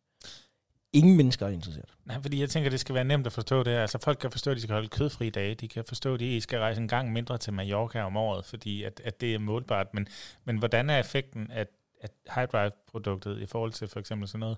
Altså, Jamen altså, drømmen er jo, jeg, jeg har udviklet et nyt system, der hedder Blue Sky. Og Ja. Blue Sky bliver en certificeringsnorm. Vi kan ikke certificere og få, få svanemærket. Det har vi prøvet, fordi det, det, der er ikke nogen normer op mod. Så siger jeg, så kan man ikke svanemærke, fordi det her det er noget nyt. Så vi har lavet noget, der hedder en Blue Sky-certificering, hvor vi simpelthen kan certificere hver enkelt køretøj, så man kan lave dokumentation for, at hvor man Larsen, hvis der er, han kører ind i København, så skal han have den Blue Sky-certificering, fordi at så har vi dokumentation for, at han har sænket de her normer, og hans partikelfilter virker. 4 ud af 10 køretøjer i dagens Danmark, der virker partikelfilter ikke. Så det, det, det kan man dokumentere. Mm. Og det vil, det vil ikke koste systemet noget. Det vil koste en, hvor man Larsen en lille bitte smule, men husk på, at han sparer 5-10% i brændstof, så i bund og grund øh, er ringen sluttet. Selvom det, så øh, det her det er svært. Og, og, og, og det bliver et langt sejt træk. Jeg tror, jeg mener 100% det lykkes, men det er ikke noget, der kommer overnight, fordi at, at politikerne, hver gang man snakker med en politiker, jamen vi kører elbiler i morgen. Det gør vi altså ikke. apropos, så jeg kan simpelthen ikke lade være med, at der hele tiden er et, et navn, der springer op i hovedet på mig, og det er en gut, der sidder over i Kalifornien, som hedder Elon Musk. Og Ja. måske før ham hans, hans øh, idol Tesla, ikke? Altså folk, som har øh, måske også har kaldt sig selv nogle tosser, og ikke kan lade være med at tænke øh, nye tanker, og måske har været forud for systemet og kæmpet øh, mod det. Altså man kan sige, Musk har jo også, økonomien har jo sejlet, og han har åbnet det ene initiativ efter det andet, men noget af det er trods alt gået hen og blevet en, en relativt mærkbar succes. Er, er der nogle af de ting, som han har gjort, som du kunne se, du kunne øh, trække over på, på din side og, og, og hjælpe dig med at komme ud med den gode fortælling, der er i alt det her? I, var et langt spørgsmål. Nøj, nu, nu, nu, nu, piver han. Øh, jeg kunne rigtig godt tænke mig, at vores system valgte at sige, øh, vi vil gerne støtte iværksætteriet mere, end de gør i dag. Fordi at når det kommer til stykket, det hele det handler om, det er kroner og øre. Det er ligegyldigt med forurening. Det er ligegyldigt med alt muligt, det handler om kroner og øre. Det er hårdt at sige, men det er altså en påstand, jeg har. Mm. Fordi vi vil gerne, og, og jeg kan jo se med politikerne, nu vil jeg ikke nævne nogen navn, men, men når man snakker med nogle af dem, så, så siger de jo, jamen hvordan kan jeg gøre, hvordan kan jeg forklare vælgerne, at det her, det er sådan, som det er, så jeg kan få nogle flere stemmer. Øh, det, det, det. Så, så, så, så sådan en som øh, Kalifornien, det er jo muligt at få noget støtte af staten derovre til en 2-3 procent i rente over øh, 10-20 år, hvor at, at, at kommer man med en god idé i Danmark, om det er øh, til banker eller hvad det er, jamen så starter de med at sige, at vi skal nok lige have en 8-10% rente. Og så øh, når du kommer med et eller andet, du gerne vil, hvis du skal låne en million, jamen, så skal du selv komme med en halv million, og så sådan sådan. Det er eddermame omstændigt at være iværksætter og komme med en god idé. Det er ikke en betydning med, at, at staten skal proppe penge i alting. Det er ikke det, jeg siger.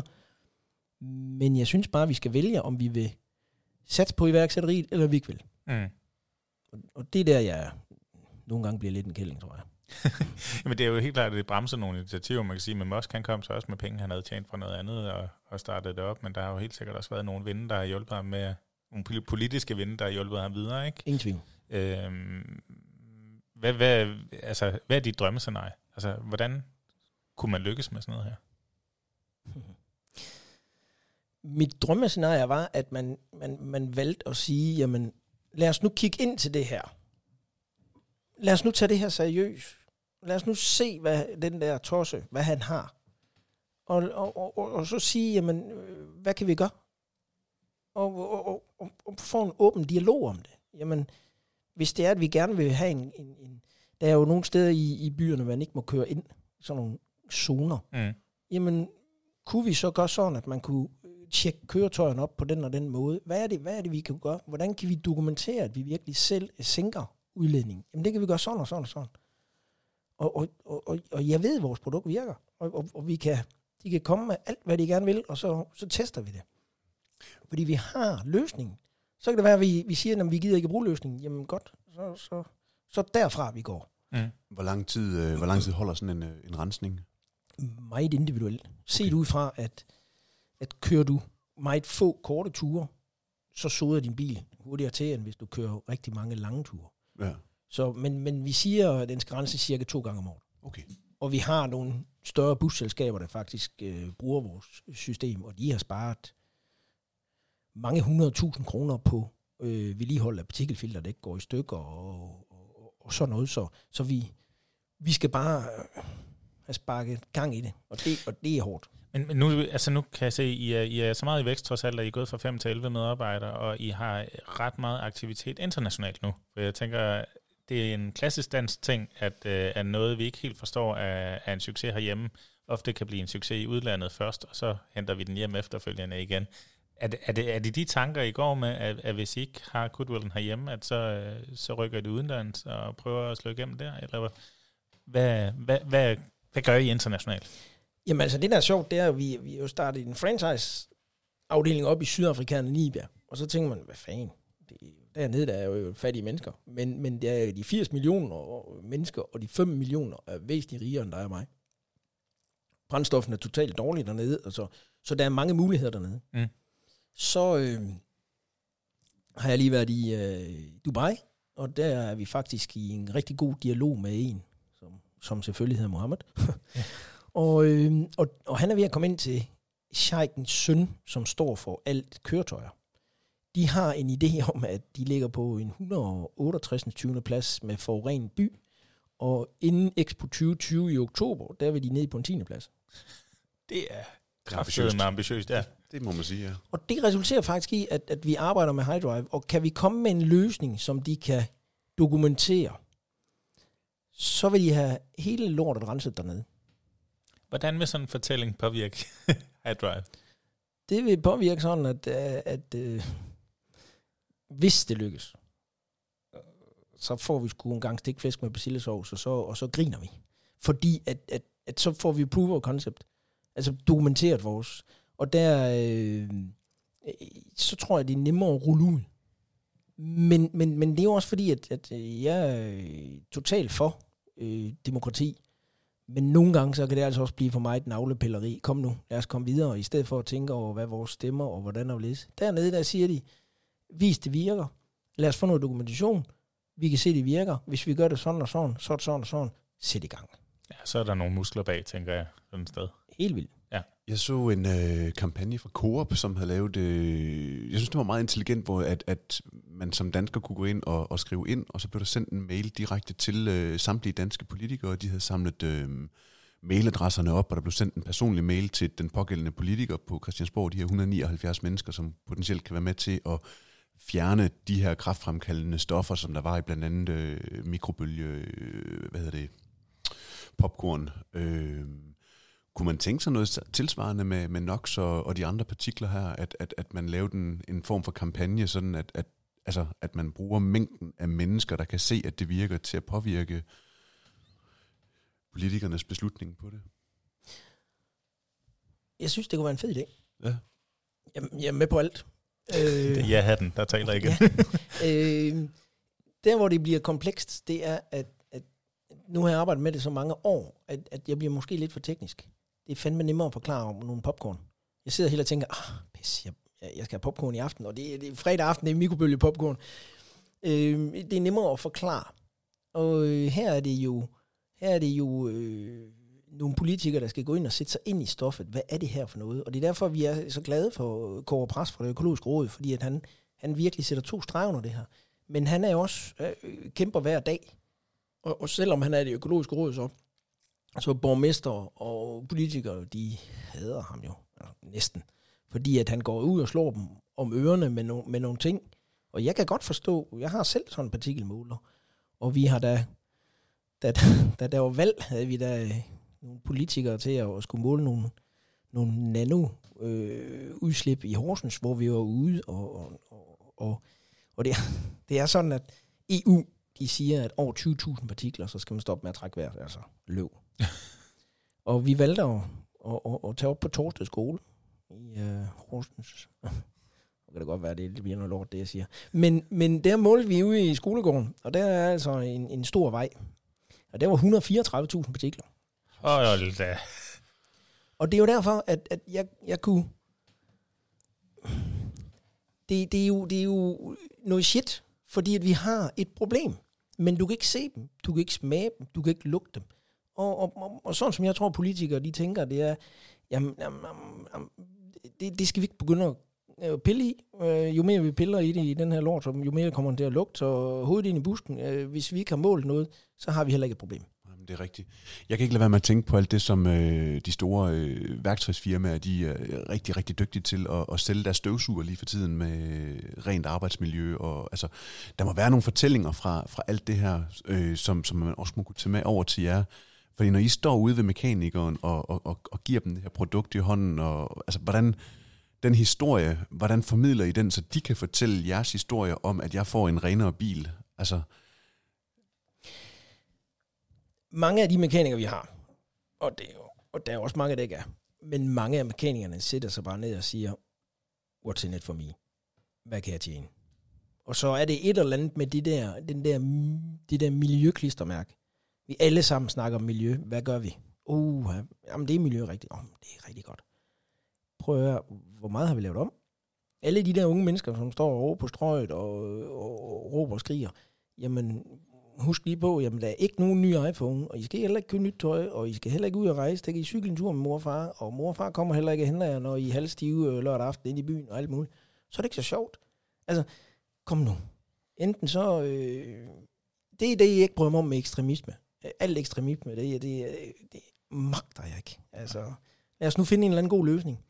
Og det er der, hvor at, øh, at, at støvsugerproducenter, det er jo pissegodt, fordi at, at det kan man ligesom forholde sig til. Øh, hvis jeg tog min nanopartikelmåler, fandt en eller anden journalist, og tog op her i Aarhus, jamen, de vil jo få et ramaskrig.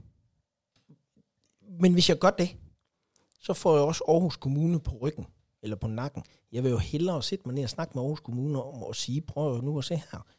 Ja, jeg har lavet noget, som man, som man kan gå op og, og måle partikeludledning i forskellige kryds. De er ikke interesseret i det, fordi at så får de så får de en information, som de ikke bryder sig om at få. Der er for mange partikler. Og hvad kan vi gøre ved det? Øh, ingenting. Så her for Danmark, så kan de brokke sig over, hvad vi gør ved det. Det er jo der, hvor Kåre Pres render rundt over i København og har inde på nettet lavet alternative cykelruter, så du ikke kører ud af en eller anden boulevard, fordi der er for mange partikler og bla bla bla og sådan sådan. Så, så det er mega svært og, og, og gerne vil gøre noget. Blive ved med at være gode med, venner med kommunerne. Men egentlig sige, at vi har et problem, og jeg kan dokumentere, at der er et problem. Men jeg tør ikke at, at gøre det, fordi at gør jeg det, så er jeg jo ikke ven med kommunerne mere, så er jeg jo en fjende. Og Kåre Press er jo ligeglad, fordi han er ansat i det økologiske råd. Han er faktisk en vogter.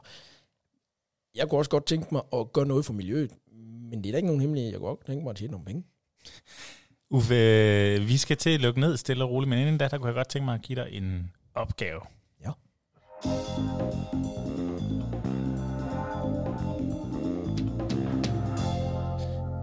nu er vi kommet derhen, hvor vi har vendt, at Coop de uh, bruger popcorn til at simplificere fortællingen om øh, øh, kraftfremkaldende midler i øh, fødevare. Og vi har øh, øh værktøjsmager, der snakker om, at støvsuger giver et bedre arbejdsmiljø. Det er simple fortællinger, men det er jo også gode fortællinger, fordi at de er til at forstå. Øh, vi har snakket om, at, at, at for dig, der er der en kæmpe udfordring i at få folk til at forstå produktet, og, og den, det, det den kan for dem og for miljøet. Så hvis vi nu kigger på, på High Drive med de her briller på, ja. hvad er så High Drives fortælling? High Drives fortælling er, at hvis du virkelig vil gøre noget for miljøet, så få en, bare med en High Drive rens om året, der kan du, der kan du spare over mellem 600 og 1400 kilo CO2-udledning om året. Plus at du kører længere på en liter brændstof. Så hvis du virkelig vil gøre noget for miljøet, så får du en bedre motor, du får ikke så mange reklamationer, fordi at når, når der ingen sod er i motoren, så er der, bliver der heller ikke så store problemer. Og du sænker CO2-udledning, og det er dokumenteret. Så hvis du virkelig vil gøre noget, så for 899 kroner kan du sænke CO2-udledning på din bil. Så kontakt dit værksted, og så siger jeg, at jeg gerne vil have sådan en rens. Og så har du gjort noget for miljøet. Det var et vaskægte salgspitch, der lige kom. det var meget godt. Jeg, jeg, jeg, jeg, synes, jeg synes, det kan noget. Jeg synes, det kan rigtig meget, når man sådan kigger og hører på det med kommunikationsører. Øh, jeg synes også stadigvæk, det er komplekst. Fordi at jeg, popcornet kan jeg forholde mig til. Lige Og, præcis. og brint, brint er bare, som du selv sagde, det er ikke en motorcykel. Det er ikke, altså, gasarter er ikke specielt sexet. Overhovedet ikke. Nej, og, og det er svært at putte pin-up piger op af, og så videre. Ikke? Meget svært. Jeg, jeg tænker, I har en kæmpe udfordring øh, med, med fortællingen, og, og, og at den kan være måske en essentiel vej til gennembruddet. Men, men det, er jo, det er super interessant at følge med i den rejse, og, og, og det vil jeg glæde mig rigtig meget til. Øh, på falderæbet skal jeg høre dig, hvis du øh, kan kigge tilbage på dit øh, virke indtil nu, og, og, og de fortællinger, der er kommet ud af det, på godt og ondt, har du så nogle, nogle gode råd omkring, hvordan man kan bruge sin historiefortælling aktivt som iværksætter eller i det hele taget? Øhm, jeg synes, det er vigtigt at, at, at, at være positiv. Jeg synes, det er vigtigt at, øh, at, øh, at huske de gode ting, og jeg synes også, det er vigtigt at huske de dårlige ting. Altså, det er fint nok at lave en fejl, men lad være med at gøre den to gange. Øhm, og så nyde livet. Og øh, fortælle en god historie. Og, øh, og øh, husk på, at, øh, at øh, hvis du har det godt, så øh, når du ligger dig til at sove om aftenen, så har det været en god dag, selvom det regner, eller man ikke har tjent en kasse. Fordi at, øh, vi skal sgu nok få problemer på et tidspunkt. Det er bare et spørgsmål om tid. Perfekt.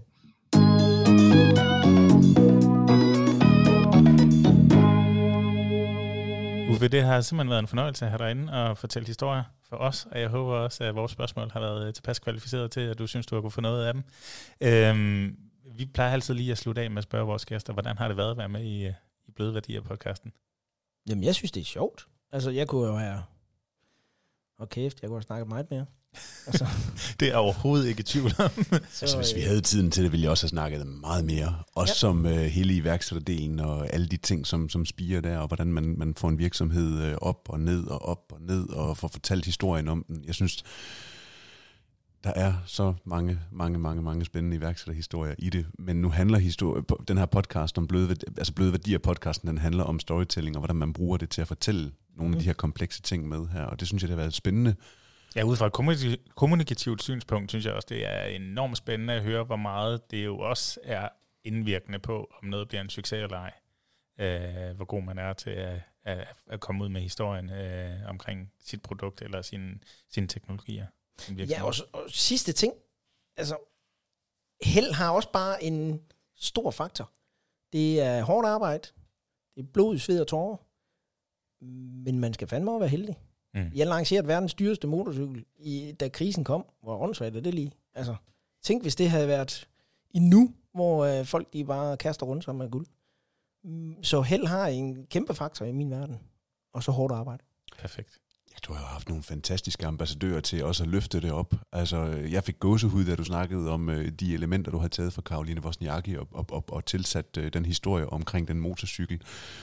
Og jeg håber, at øh, kommunikationen fremadrettet omkring High Drive, den bliver øh, altså lige så subtil og lækker i fortællingen om, omkring det, at du får fundet popcornet, som øh, gør, at, at den øh, almindelige borger ligesom kan, kan forstå, hvor pisse farligt, at de her NOx-partikler, de ligesom er for os i det daglige, og, og hvor fedt det kunne være, hvis vi kunne leve i en sundere, grønnere, renere luft. Øh, ja, Så kan det være, at man kan hjælpe heldet lidt på vej lige i den her situation måske. Det er jo det. det Godt. Øh, jamen, øh, tusind tak for det. Jeg, jeg hører, at vi har en åben invitation til værkstedet i Gedved, hvor vi kan snakke videre. Der vil jeg Ja, ja. rigtig gerne ned og se, om vi kan kigge i skuffen. Og så kan vi jo altid lige kigge ind om Rain Rooney, fordi jeg lavede en motorcykel til ham også. Men øh, den kan vi jo tage på et andet tidspunkt. Fedt. Vi smider nogle billeder op på Facebook af nogle Lauke Jensen motorcykler, og øh, måske en enkelt sexet brintpartikel. Tusind tak, fordi du var med, Uffe. Det er godt. Tak. Og lige måde. Hej.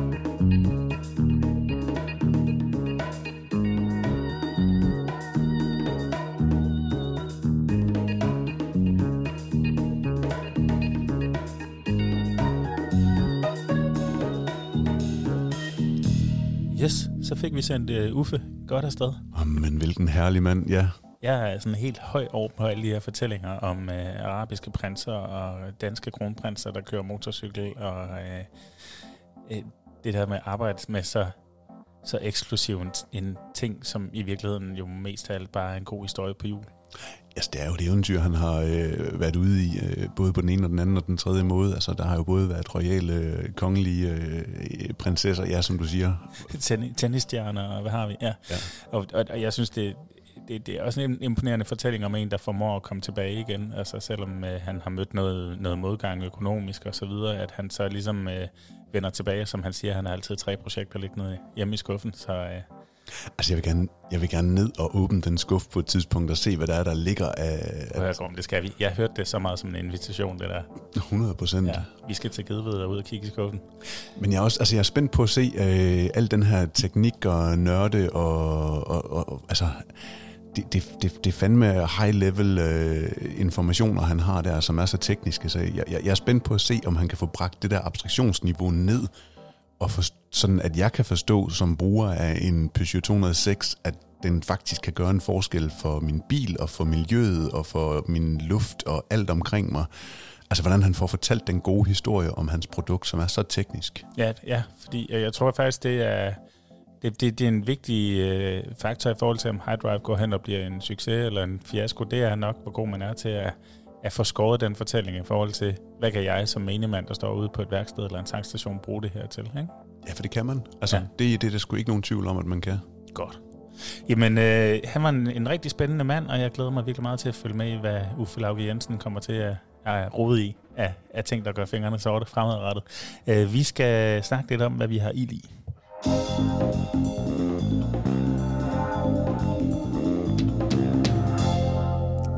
for pokker. Hvad har du i? Hvad, hvad brænder du for, som vi har lavet her i løbet af det sidste stykke tid?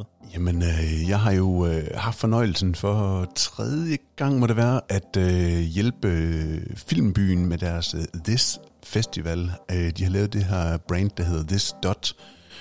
Og der har så været, i år har der været This Dot Series, This Dot Conference, This Dot, øh, altså games, og, og på den måde har de haft et langt større og meget mere ambitiøst program, end de har haft i tidligere år, øh, hvor jeg ligesom har været med på rejsen og har hjulpet med at, at, at skabe billeder, som kunne fortælle historien om this.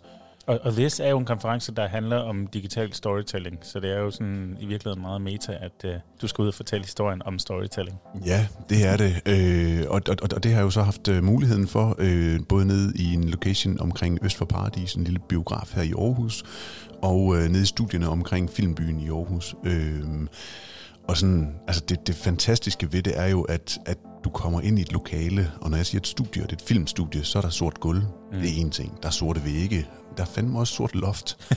Så alt, En, en alt såkaldt black box. en såkaldt black box, og det eneste lys, der sådan er, jamen det er jo så rettet mod øh, scenen, og så sidder publikum sådan mm, langt hen ad vejen henledt i sådan helt mørke, og gudskelov så var der nogle tribuner, hvor de så havde sat lidt lys på, så folk de kunne øh, navigere efter trinene og ikke falde, og, og det er jo sådan de her små lys og øh, refleksioner fra projektorskærmen og, og mobiltelefoner, altså det er meget svagt lys, som jeg, jeg kan bruge til at altså bruge lyset til at skabe mine billeder og finde de her små øh, skygger øh, og lave nogle lag, som, som spiller op til det, der foregår op på scenen. Mm. Fordi at, at, at det er virkelig øh, sådan et rum, hvor man er. Øh, jeg var der øh, tirsdag, onsdag, torsdag, både øh, i Øst for Paradis, men også øh, op i øh, Filmbyen. Og det eneste, der ændrer sig, det er nærmest den speaker, der er på scenen, der fortæller og har et budskab. Lyset er rimelig konstant, og så er der nogle forskellige slides på, øh, på, på skærmene. Så, du er relativt udfordret i at gøre de her stillbilleder spændende og fortælle forskellige historier fra billede til billede, tænker jeg. Ja, øh, men, men det der også er fedt, det er jo så også, så lærer man rummet at kende, og man lærer øh, detaljerne og vide, at, at hvis man går sådan nogenlunde herover, jamen, så er der et fedt lys, og når han bevæger sig til den side, jamen, så skal jeg lige forudse det, og måske kan jeg skyde igennem et rækværk og få øh, nogle, nogle linjer ind i billedet, eller nogle refleksioner på nogle rør, eller, og det er altså bitte, bitte, bitte små, altså, øh, altså elementer, så, så mit kamera og mit udstyr er presset max i forhold til det tekniske på øh, ISO og lukketid og blænde og så videre, så videre, så videre. Men, men en, en fed oplevelse med at få lov til at, at skabe billeder, øh, konferencebilleder, stemningsbilleder, publikumsbilleder, som kan blive brugt efterfølgende. Ja, fordi der var også nogle af dem, der var ude at leve allerede undervejs. Blandt andet, der ved jeg, at de havde øh, øh, nogle, nogle Netflix-stjerner på besøg. Ja, øh, der har været nogle af de her serier, øh, og og hvad var det, han hedder? Han hedder Alex Høgh Andersen, øh, dygtig dansk skuespiller, som spiller Ivor the Boneless i Vikings. Kæmpe stjerne øh, og kæmpe skud ud til ham. Også en dygtig fotograf, øh, som, som jo øh, nede i Øst for Paradis er inviteret ind og, og, og, bliver interviewet af, på scenen, og publikum sidder så i biografstolen, og alle kender jo en biograf. Der er altså heller ikke meget lys. Og, så der har jeg også måttet arbejde med refleksionerne af det lys fra projektoren, der rammer den hvide lærred og kaster sig ned i ansigterne og skaber de her små øh, glimt i øjnene, som, som han så har kunne øh, løfte op og, og, og skabe noget dybde i billedet. Og det billede sender de så ud øh, og siger, se hvad vi har lavet på vores konference i dag. Og det, det havde performet ret fornuftigt. Ja, det må man sige. Øh, der er jo nogle øh, fans øh, rundt omkring i verden, øh, Rusland og, og sådan, altså virkelig, som, som følger denne her serie her, og som var helt op og ringe over det. Og, og, og det er jo fedt at se, at, at at, at de billeder, de ligesom kan, kan få liv. Øh, jeg tænker, der er en konference, der har fået et ekstra ben at stå på. Det er ikke, når de lige pludselig også bliver relevante for folk, der sidder i Rusland øh, og, og går ind og liker This Festival ja. af samme grund. Ikke? Ja. Det, det, det er super interessant, hvordan man, man kan opnå et, et, et større reach på sit arrangement ved at, at tænke sin kommunikation lidt strategisk og lidt smart. Ikke? Ja, Øh, og det, der jo så også personligt er fedt for mig, det er, at der er rigtig, rigtig meget efterfeedback fra folkene, som har deltaget, altså både publikum og, og folk, der ikke har deltaget, men, men også nogle af de speakers, der har været der, hvor jeg kan få lov til at, at, at give dem nogle billeder og noget content, som de så kan bruge til at brande sig selv, hvor vi så endnu en gang bliver tagget og kommer ud i øh, jamen anden, tredje led øh, af at, at, at, at vores øh, forretning, altså som er øh, fotografi og skæg og ballade, hvor vi ligesom kan få det bredt ud til endnu flere. Så, mm. så på den måde, så synes jeg, at, at, at det kan noget. Det er gaven, der bliver ved med at give. Ja, det må man sige, det må man sige. Jeg tror, det var så sent som i går aftes, øh, at der var noget på, på LinkedIn, hvor at, at der var øh, en gruppe fra en virksomhed, der havde spottet sig selv sidde i salen øh, på et af mine billeder, hvor at, at det faktisk var hele deres team, øh, som har afledt, at han har spurgt mig, om han må bruge det, og selvfølgelig må han det, hvis han bare husker at kreditere mig, hvor han så tagger sin, øh, hele sit team, og, og, og var virkelig, virkelig glad for, hvordan at de blev fremstillet som et team til denne her This Festival. Mm. Ja. Så altså tre super intense dage i en uge, som var pakket fra den ene ende til den anden ende, øh, hvilket jo også gjorde, at, at, at jeg havde en øh, mega fed opgave, som øh, jeg måtte... Øh, Jamen, jeg ville fandme gerne selv have været med på den også, men, men jeg var... Men det endte med, at jeg fik den. Ja. Og det var lidt spændende, for det, det er faktisk det, jeg godt kunne tænke mig at fortælle, at jeg har haft i lige. Øhm, telefonen ringer en dag, og det er en øh, hollænder, der taler gebrokken engelsk i den anden ende. Ja, og, og, og der bliver jeg nødt til at sige vigtigheden af, af, af visitkort og netværk, fordi at, at, at det er, jeg, jeg tror, jeg talte to-tre år siden, i hvert fald tre år siden, hvor jeg har været afsted, og hvor jeg giver ham det her visitkort her. Og det er på en landbrugsmesse? Det er på en landbrugsmesse, hvor at, at han er, sådan nogle gange samler, savner folk, som han kan tage med sig i det land, hvor at, at de har deres produkter. Og der ringer han så for at høre, om, om vi kan løse den her opgave, fordi at så skal han ikke have en øh, kollega med fra Holland til at tage med hele vejen op til Danmark, til det nordligste Danmark, for at løse den her opgave her.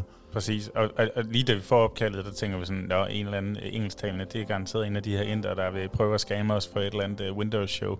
Øh, det viser så, så at være det hollandske uh, firma, der hedder Nøgen, som er sådan et familieforetagende i Holland, som har specialiseret sig i at producere, jeg hold nu godt fast, men altså gulve til, til grisestal, og ikke bare almindelige gulve, hæve-sænke-gulve til grisestal. Uh, og hør nu her, det er, er sådan, jeg er blevet meget klogere på svin. Fordi det endte med at være mig, der tog den her opgave, øh, da Gorm han havde travlt med at, øh, at fotografere på This Festival. Øh, de her gulve, de øh, hæver sig op, når solen rejser sig. Og det gør, at de her smågrise, som ellers ligger og diger ved hende, de bliver ligesom skubbet til side og falder ned fra gulvet. Vi taler de første fem dage i deres leveperiode. De kan ikke ret meget andet end at de. Men de ryger ligesom ned, når solen rejser sig op for at spise. Og når hun så ligger sig ned igen, så følger gulvet med. Så går den her øh, pneumatik i gang, og, og gulvet kører så ned, og det betyder, at smågrisene kan rende ind, og de vil ved deres mor igen. Jamen, hvor stor en afstand snakker vi, de falder? Altså, det lyder voldsomt, men, men det er jo ikke, jeg går ikke ud fra 13 meter. Nej, øh, jeg tror øh, effektivt til 15 cm. Altså, men, det er sådan et, et lille blødt fald, de ruller ned fra, fra en præcis, forhøjning. Lige præcis, og de kejler rundt i forvejen, skulle jeg helst sige. Men, men, men hele tricket med at gøre det her øh, op og ned i elevator, det er, at øh, der faktisk er en stor dødelighed blandt de her smågrise ellers, fordi at solen kommer til at ligge oven på dem. Og øh, i sidste ende, så er det jo både dyrevelfærd og penge for bundmanden. Øh, der, der er nogle grise, der, øh, der kommer ud af ligningen, inden de overhovedet er nede og vokser store og modstandsdygtige. Så, så det er både en god investering, og det er jo også helt fantastisk, at man kan redde. Nu havde han kørt med, med de her gulv i ganske kort stykke tid, og det var altså over 50 procent øh, der var blevet reddet i forhold til tidligere. Så øh, altså, øh, spændende og også meget sympatisk projekt, synes jeg, som på bundlinjen jo også bare har været en god forretning. Men altså, casen her var, at øh, de havde en, en stor gård i Frederikshavn, som de havde solgt det her gulv til. Det var også lidt interessant, fordi udover at de kunne det her sænke, så var det også en, en staldkonstruktion, der gjorde, at man kunne åbne op, så, så solen kunne gå mere frit. Og øh, som bundemanden sagde, da vi kom derop, det var det er den retning, det går i. Altså, de politiske vinde, de peger på, at øh, dyrene de skal have mere plads, de skal gå mere frit, og han var sikker på, at det ville blive til lovgivning på et tidspunkt. Så øh, hans bedrift, som han pt. var ved at udvide fra 2.000 til op til 4.000 svin, øh, de skulle simpelthen øh, til at gå i de her stalle, der kunne åbnes op. Det er meget godt, Jacob. Hvad var din opgave deroppe? Min opgave var så at fortælle den historie. Og det skulle jeg gøre øh, på video, og det skulle jeg gøre i løbet af to til tre minutter. Der skulle man kunne forstå, hvorfor det her gav mening, både for bundemanden, for dyrevelfærden, øh, forklare, hvad det var for et sted, vi var på, øh, vise hele det her øh, rolige, harmoniske øh, liv, der var i stallen, øh, og, øh, og, og, og selvfølgelig få hele produktet til at fremstå øh, sympatisk og interessant, og som en god investering. Øhm, og, og den fik jeg så lov til at løse alene, og, og trillede til Frederikshavn med bilen fyldt af, af grej. Og, øh, og det, det må jeg sige, det var sgu en lille smule nervepirrende. Fordi at øh, jeg, jeg er jo ikke som sådan øh, fotograf uddannet. Jeg er journalist og har så tillært mig viden inden for fotografiet, og efterhånden gjort det så meget og været i mesterlærer hos, hos Dejgorm, øh, at, ja. at øh, jeg er blevet øh, ganske dygtig til det. Men det her var som sådan øh, en af de første opgaver, hvor jeg sådan helt bare tog den fra start til slut, og det var udelukkende video, det drejede sig om. Øhm, så øh, tænk et storyboard ind i hovedet, snak med kunden selvfølgelig, det var en hurtig proces. Han ringede den ene uge, vi skulle afsted den næste, og så afleverede jeg videoen to dage efter. efter. Øhm, men alt skulle spille, al teknik skulle spille, alt framing skulle spille, øh, al redigering, color grading, jeg skal komme efter dig, det skulle øh, jo bare sidde i skabet, og det skulle gå stærkt. Altså jeg må sige, øh, jeg synes det er en rigtig, rigtig flot produktion, du har lavet, og jeg synes det har været fedt at se, hvordan du har varieret dit billedsprog rigtig, rigtig meget ved at have lag i det. Altså, øh, og når jeg snakker lag, så snakker jeg om, at du har brugt en forgrund, hvor der kan være noget græs, der står, og man, man har en lang afstand ind til øh, landbrugsbygningerne, som sådan er lidt diffuse ude i baggrunden, og, og på den måde har du skabt noget, noget, nogle lag i billedet, sådan at, at, at man kan, kan øh, gå på opdagelse i det. Altså du mm. synger et sprog i din, øh, i din film, øh, og det, det synes jeg skulle det har været en, en, en, en god lille sang, du har fået komponeret der. Et, et godt sprog, et godt billedsprog, du har fået, og det er en god variation i det. Tusind tak. Og de, øh, de blev rigtig glade for den i Holland også. De øh, brugte den med det samme til, øh, jeg tror det var noget messe, de skulle ud på, og den bliver så også tilgængelig på deres øh, sociale medier herinde længe. Øhm, og for at det ikke skal være løgn, så var der faktisk også en repræsentant med fra en virksomhed i Horsens, som sælger landbrugsudstyr, som efterfølgende har kontaktet os for at høre, om de ikke også kan få klippet en version af, af af filmen til deres øh, øh, platformer og flader. Så på den måde, så, øh, så var det bare en, en, en kæmpe armene op og øh, tro på dig selv, og, øh, og, og egentlig også øh, lidt tilbage til det credo, vi har med, at øh, der er en god historie i alting, og, øh, og den kan fortælles øh, elegant med lige præcis øh, de rigtige virkemidler, det synes jeg, vi fandt her. Ja, fordi at, altså, jeg synes, det der er fedt ved den her, nu kalder jeg den referencefilm, fordi at det viser, hvad, øh, at, altså, de, de tager fat i en case, som ligesom øh, fortæller, hvad det er for hvordan de bruger det her produkt her, at hæve sænkegulve, og, og, og på den måde lade kunden præsentere øh, deres virksomheder, deres produkter på en god, subtil måde, og så har det jo været en produktion, som er, har været vanvittigt hurtig, fra du er sted torsdag, til du får afleveret mandag tirsdag, og, og får klippet færdig afleveret, så han kan vise den om onsdagen mm. efterfølgende uge. Ja, ja så, så øh, noget, der gav hår på brystet, og øh, en masse udstyr, der stinker af gris stadigvæk.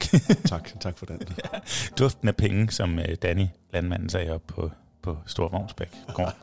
det er perfekt. Vi skal videre til nogle anbefalinger i går.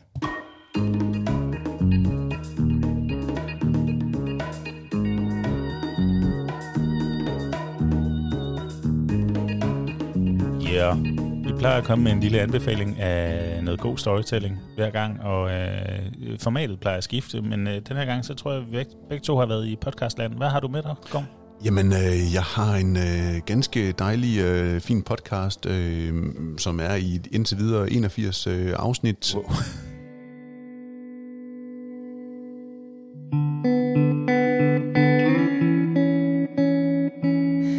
Hej Camilla. Hej Christine. Hvordan går det? Det går godt, tak. Hvordan går det med dig? Der er i hvert fald gået en uge nu, og øh, der er ingen vej udenom. Nej, det er faktisk sådan ved at være lige op over, ikke? Ja. Det skal være nu. Vi er tilbage i mørkestudiet. Nu vi gør det. Og øh, det er Camilla og Christine, som øh, er sådan i genren true crime, hvor at de dykker ned i danske øh, op, op, øh, opklarede og uopklarede øh, mormysterier. Øh, og når jeg siger, øh, altså den er sådan til en lidt letbenet ting, fordi mm. det er, øh, altså... Det er sådan en, du kan putte i ørene, når du skal på ferie eller sådan noget. Ja, altså jeg har været i gang med at, at ombygge derhjemme, og der har det været fantastisk at, at, at kunne øh, tage et par noise cancelling øh, hovedtelefoner på, og så ellers tænde for den uh, helt store uh, gips uh, slibe giraf uh, og slibe gipsvægge, og så... Uh, øh, kunne tykke noget, øh, hvor der er noget spænding, der er bygget ind i, og at man øh, får sådan en helt gåsehud og tænker på, at kan mennesker være så bestialske og, og begå den slags uhyreligheder. Og øh, formatet er lidt lidt som vi sidder og har en, en dialog, en samtale omkring øh, storytelling. Der har de så valgt at have det omkring øh, mor Øh, podcasten den hedder Mørkeland, øh, og det er sådan øh, uopklaret, øh, opklaret øh, krim, crime, øh, kriminelle øh, historier.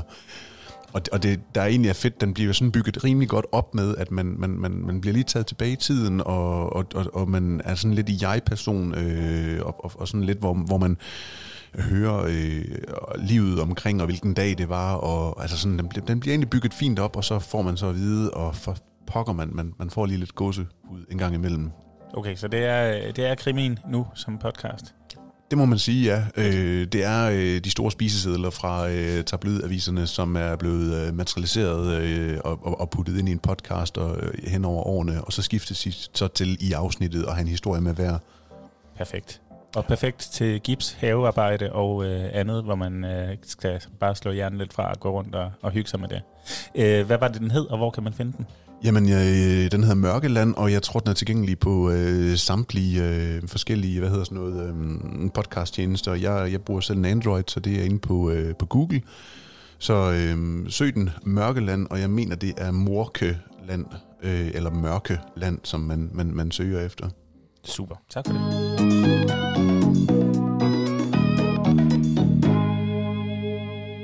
Jeg har også øh, lyttet til podcast, og det var faktisk min, øh, min svoger, som jeg havde givet en anbefaling, som øh, var øh, B3's podcast, der handlede om øh, dansk øh, hiphops historie. Øhm, og den, da han så havde tykket sig igennem, så, så kom han til mig og sagde, jeg har sgu fundet en, der minder lidt om dem, men også, øh, men også kan noget andet. Øh, han er også øh, musiknørd, ligesom mig, og øh, DJ og så videre. Og den han så har fundet, det er en podcast, der hedder Absolute Absolute Music. Velkommen Velkommen til Absolute, Absolute Music på B7 Mix. Et nostalgisk genlyt med verdens bedste opsamlings-CD'er. Absolute, Absolute Music. Din vært er Mads Gundersen. Velkommen til Absolut. Oh, dem kan jeg godt huske. Dem kan jeg godt Kan huske. godt, det er sådan ja. helt tilbage fra 90'erne. Og, og, og det er nemlig lige præcis det, der er, er interessant her. Det er P7 på DR, der laver dem, og, og gutten, der sidder og laver dem, han, han var faktisk ikke engang født, da den første kom, men han betegner dem konsekvent som Danmarks bedste opsamlingsalbum nogensinde. Øh, Og, og det er jo, øhm, kan man sige, til dels på grund af det indhold, der er på dem, men til dels også fordi, at det sådan kulturelt har betydet rigtig meget, også hvornår de kom ud i forhold til, der var de CD'er, øh, eller bånd og plader, som de jo også kom på de første. Og, og det var ligesom dem, der dikterede, hvad god smag var, eller i hvert fald, hvad smag var, at, øh, at, at det var det, man hørte, ikke? Og alle, for pokker alle havde de her opsamlingsalbum derhjemme. Han fortæller, hvordan han, at de selv i hans familie indkøbte dem, og så de nye, de kom ud i bilen, og så hørte han den der, og når der så kom en ny, så røg den gamle ind i stuen, og så kom den nye ud i bilen til at køre. Ikke? Øhm, så, så på den måde, så får man simpelthen øh, rejsen øh, album for album, og for at det ikke skal være løgn, øh, så øh, har han delt øh, hvert album op i to podcast-afsnit. Så øh, der er typisk 18 numre på sådan en skive der, øh, eller dobbeltplade, eller hvad den udkom på. Og, øh, og så øh, har en gæst med sig i studiet. Det er en gæst, der varierer fra gang til gang. Det er øh, folk, der selv har spillet musik, eller beskæftiget sig med musik, og det er øh, kendiser og komikere og så videre, men altså nogen, der øh, på en eller anden måde har en, en reference til de her album, og så går de dem slavisk igennem, man hører nummeret, øh, de kommer med nogle kommentarer til det, det kan være noget kuriositet i forbindelse med musikvideoen, eller hvor var de, da de hørte det her nummer første gang, hvad har det betydet for dem. Nogen har endda selv deres egne numre med på skiverne, og kan så fortælle om, hvorfor de valgte at være en del af det her. Øh, man får baggrunden for, hvordan skiverne blev kompileret, og, og så synes jeg, de har et, et ret sjovt lille take til allersidst, hvor man så siger, at vi skal have lavet en top 3. Det kender vi godt. Men vi skal også finde ud af, hvis man nu selv kunne vælge, hvor den der rise i CD'en, som gjorde, at der var et nummer, man ikke kunne høre, skulle sidde, hvad for et nummer skulle den så sidde på? Så, det er sjovt. Det er fandme sjovt. der er noget Eurodance shaming, skulle jeg hilse at sige. Øhm, jeg, jeg har selv lige startet, og der ligger øh, timer af musik forud. Altså, som han selv sagde, det var rimelig ballsy, at man startede med at kalde den Absolute Music 1, fordi så vidste man ligesom, der kom en tor. Og det gjorde der, og de blev ved, og de blev ved, og de blev ved. Hvor mange er, der, hvor mange er man op på? Og øh, det kan godt være, at jeg skyder forbi nu, men jeg mener, at vi er på 29 eller sådan noget. Jøsses, man. Ja. Jeg tror, jeg stoppede ved en 6-7 stykker eller sådan noget. Og der kom jo også andre spillere på markedet, ikke? Øh, Now This Is Music og Mr. Music og alt muligt. Altså. Men, men det her, det er sådan, det er den originale rene vare, og det var den, øh, man, man kunne øh, læse om i mixpladerne og finde ned på hylden nede i Fona eller... Øh, hvor man nu købte sin, øh, hvem, hvem der nu var ens pladepusher, ikke? Jamen, jeg bliver trukket tilbage til går om 7. klasse og sodavandsdiskotek, altså det er, tak for det. Jamen for fanden, og det kan noget at høre de her gamle uh, Cut Move og uh, Ace of Base numre igen. Det, uh, det er enormt sjovt, fordi man netop bare lige præcis lander der, hvor man var, da man hørte det første gang. Så uh, for vores generation, også der ligger og ruder uh, omkring de 30, 35, 40 stykker, der, der er det her i hvert fald et, et perfekt genlyt. Yes. Jamen, øh, vi er ved vejs ende, tror jeg. Vi er ved vejs ende, men en øh, vigtig ting at huske at sige her til slut, det er, at øh, kan du lide det, du hører, så fortæl endelig alle dem, du kender, om at vi findes.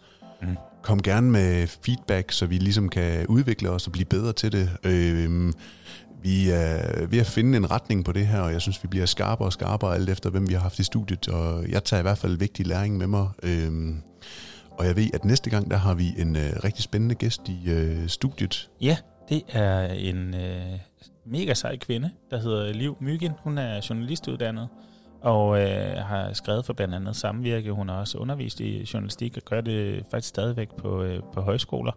Jamen, øh, Liv hun øh, har kastet sig over et koncept, hun kalder livshistorie, hvor hun øh, simpelthen tager ud og, øh, og laver podcast med øh, ganske almindelige mennesker, som der er mig. Øh, typisk også nogen, der er lidt op i alderen, som har en god, lang livsfortælling at fortælle, og så optager hun den, klipper den sammen, lægger musik på, der betyder noget for de her mennesker. Og det er så både et minde for dem selv, men måske også for børn og børnebørn, om, øh, om, om spændende øh, historier i livet af, af rigtige ægte mennesker. Jamen, jeg glæder mig simpelthen så meget til at dykke ned i uh, livshistorier og livmyggen, øh, og det hun ligesom har, kan fortælle om at fortælle historier øh, fra noget, der er sket. Mm. Det er noget, der bliver helt vildt spændende, tror jeg. Godt, jamen øh, så er der egentlig bare tilbage, at øh, vi siger øh, tak for den her gang. Ja. Vi sender lidt skud til Henrik Palke Møller. Henrik, ham skal vi også have i podcaststudiet på et tidspunkt. Ja, det skal vi. Henrik, der har lavet musikken her. Tak for det, og tak fordi du lyttede med. Vi øh, høres ved næste gang. Livshistorie ved Liv Myggen. Skæg og ballade. Bløde værdier. Ja tak. Ses.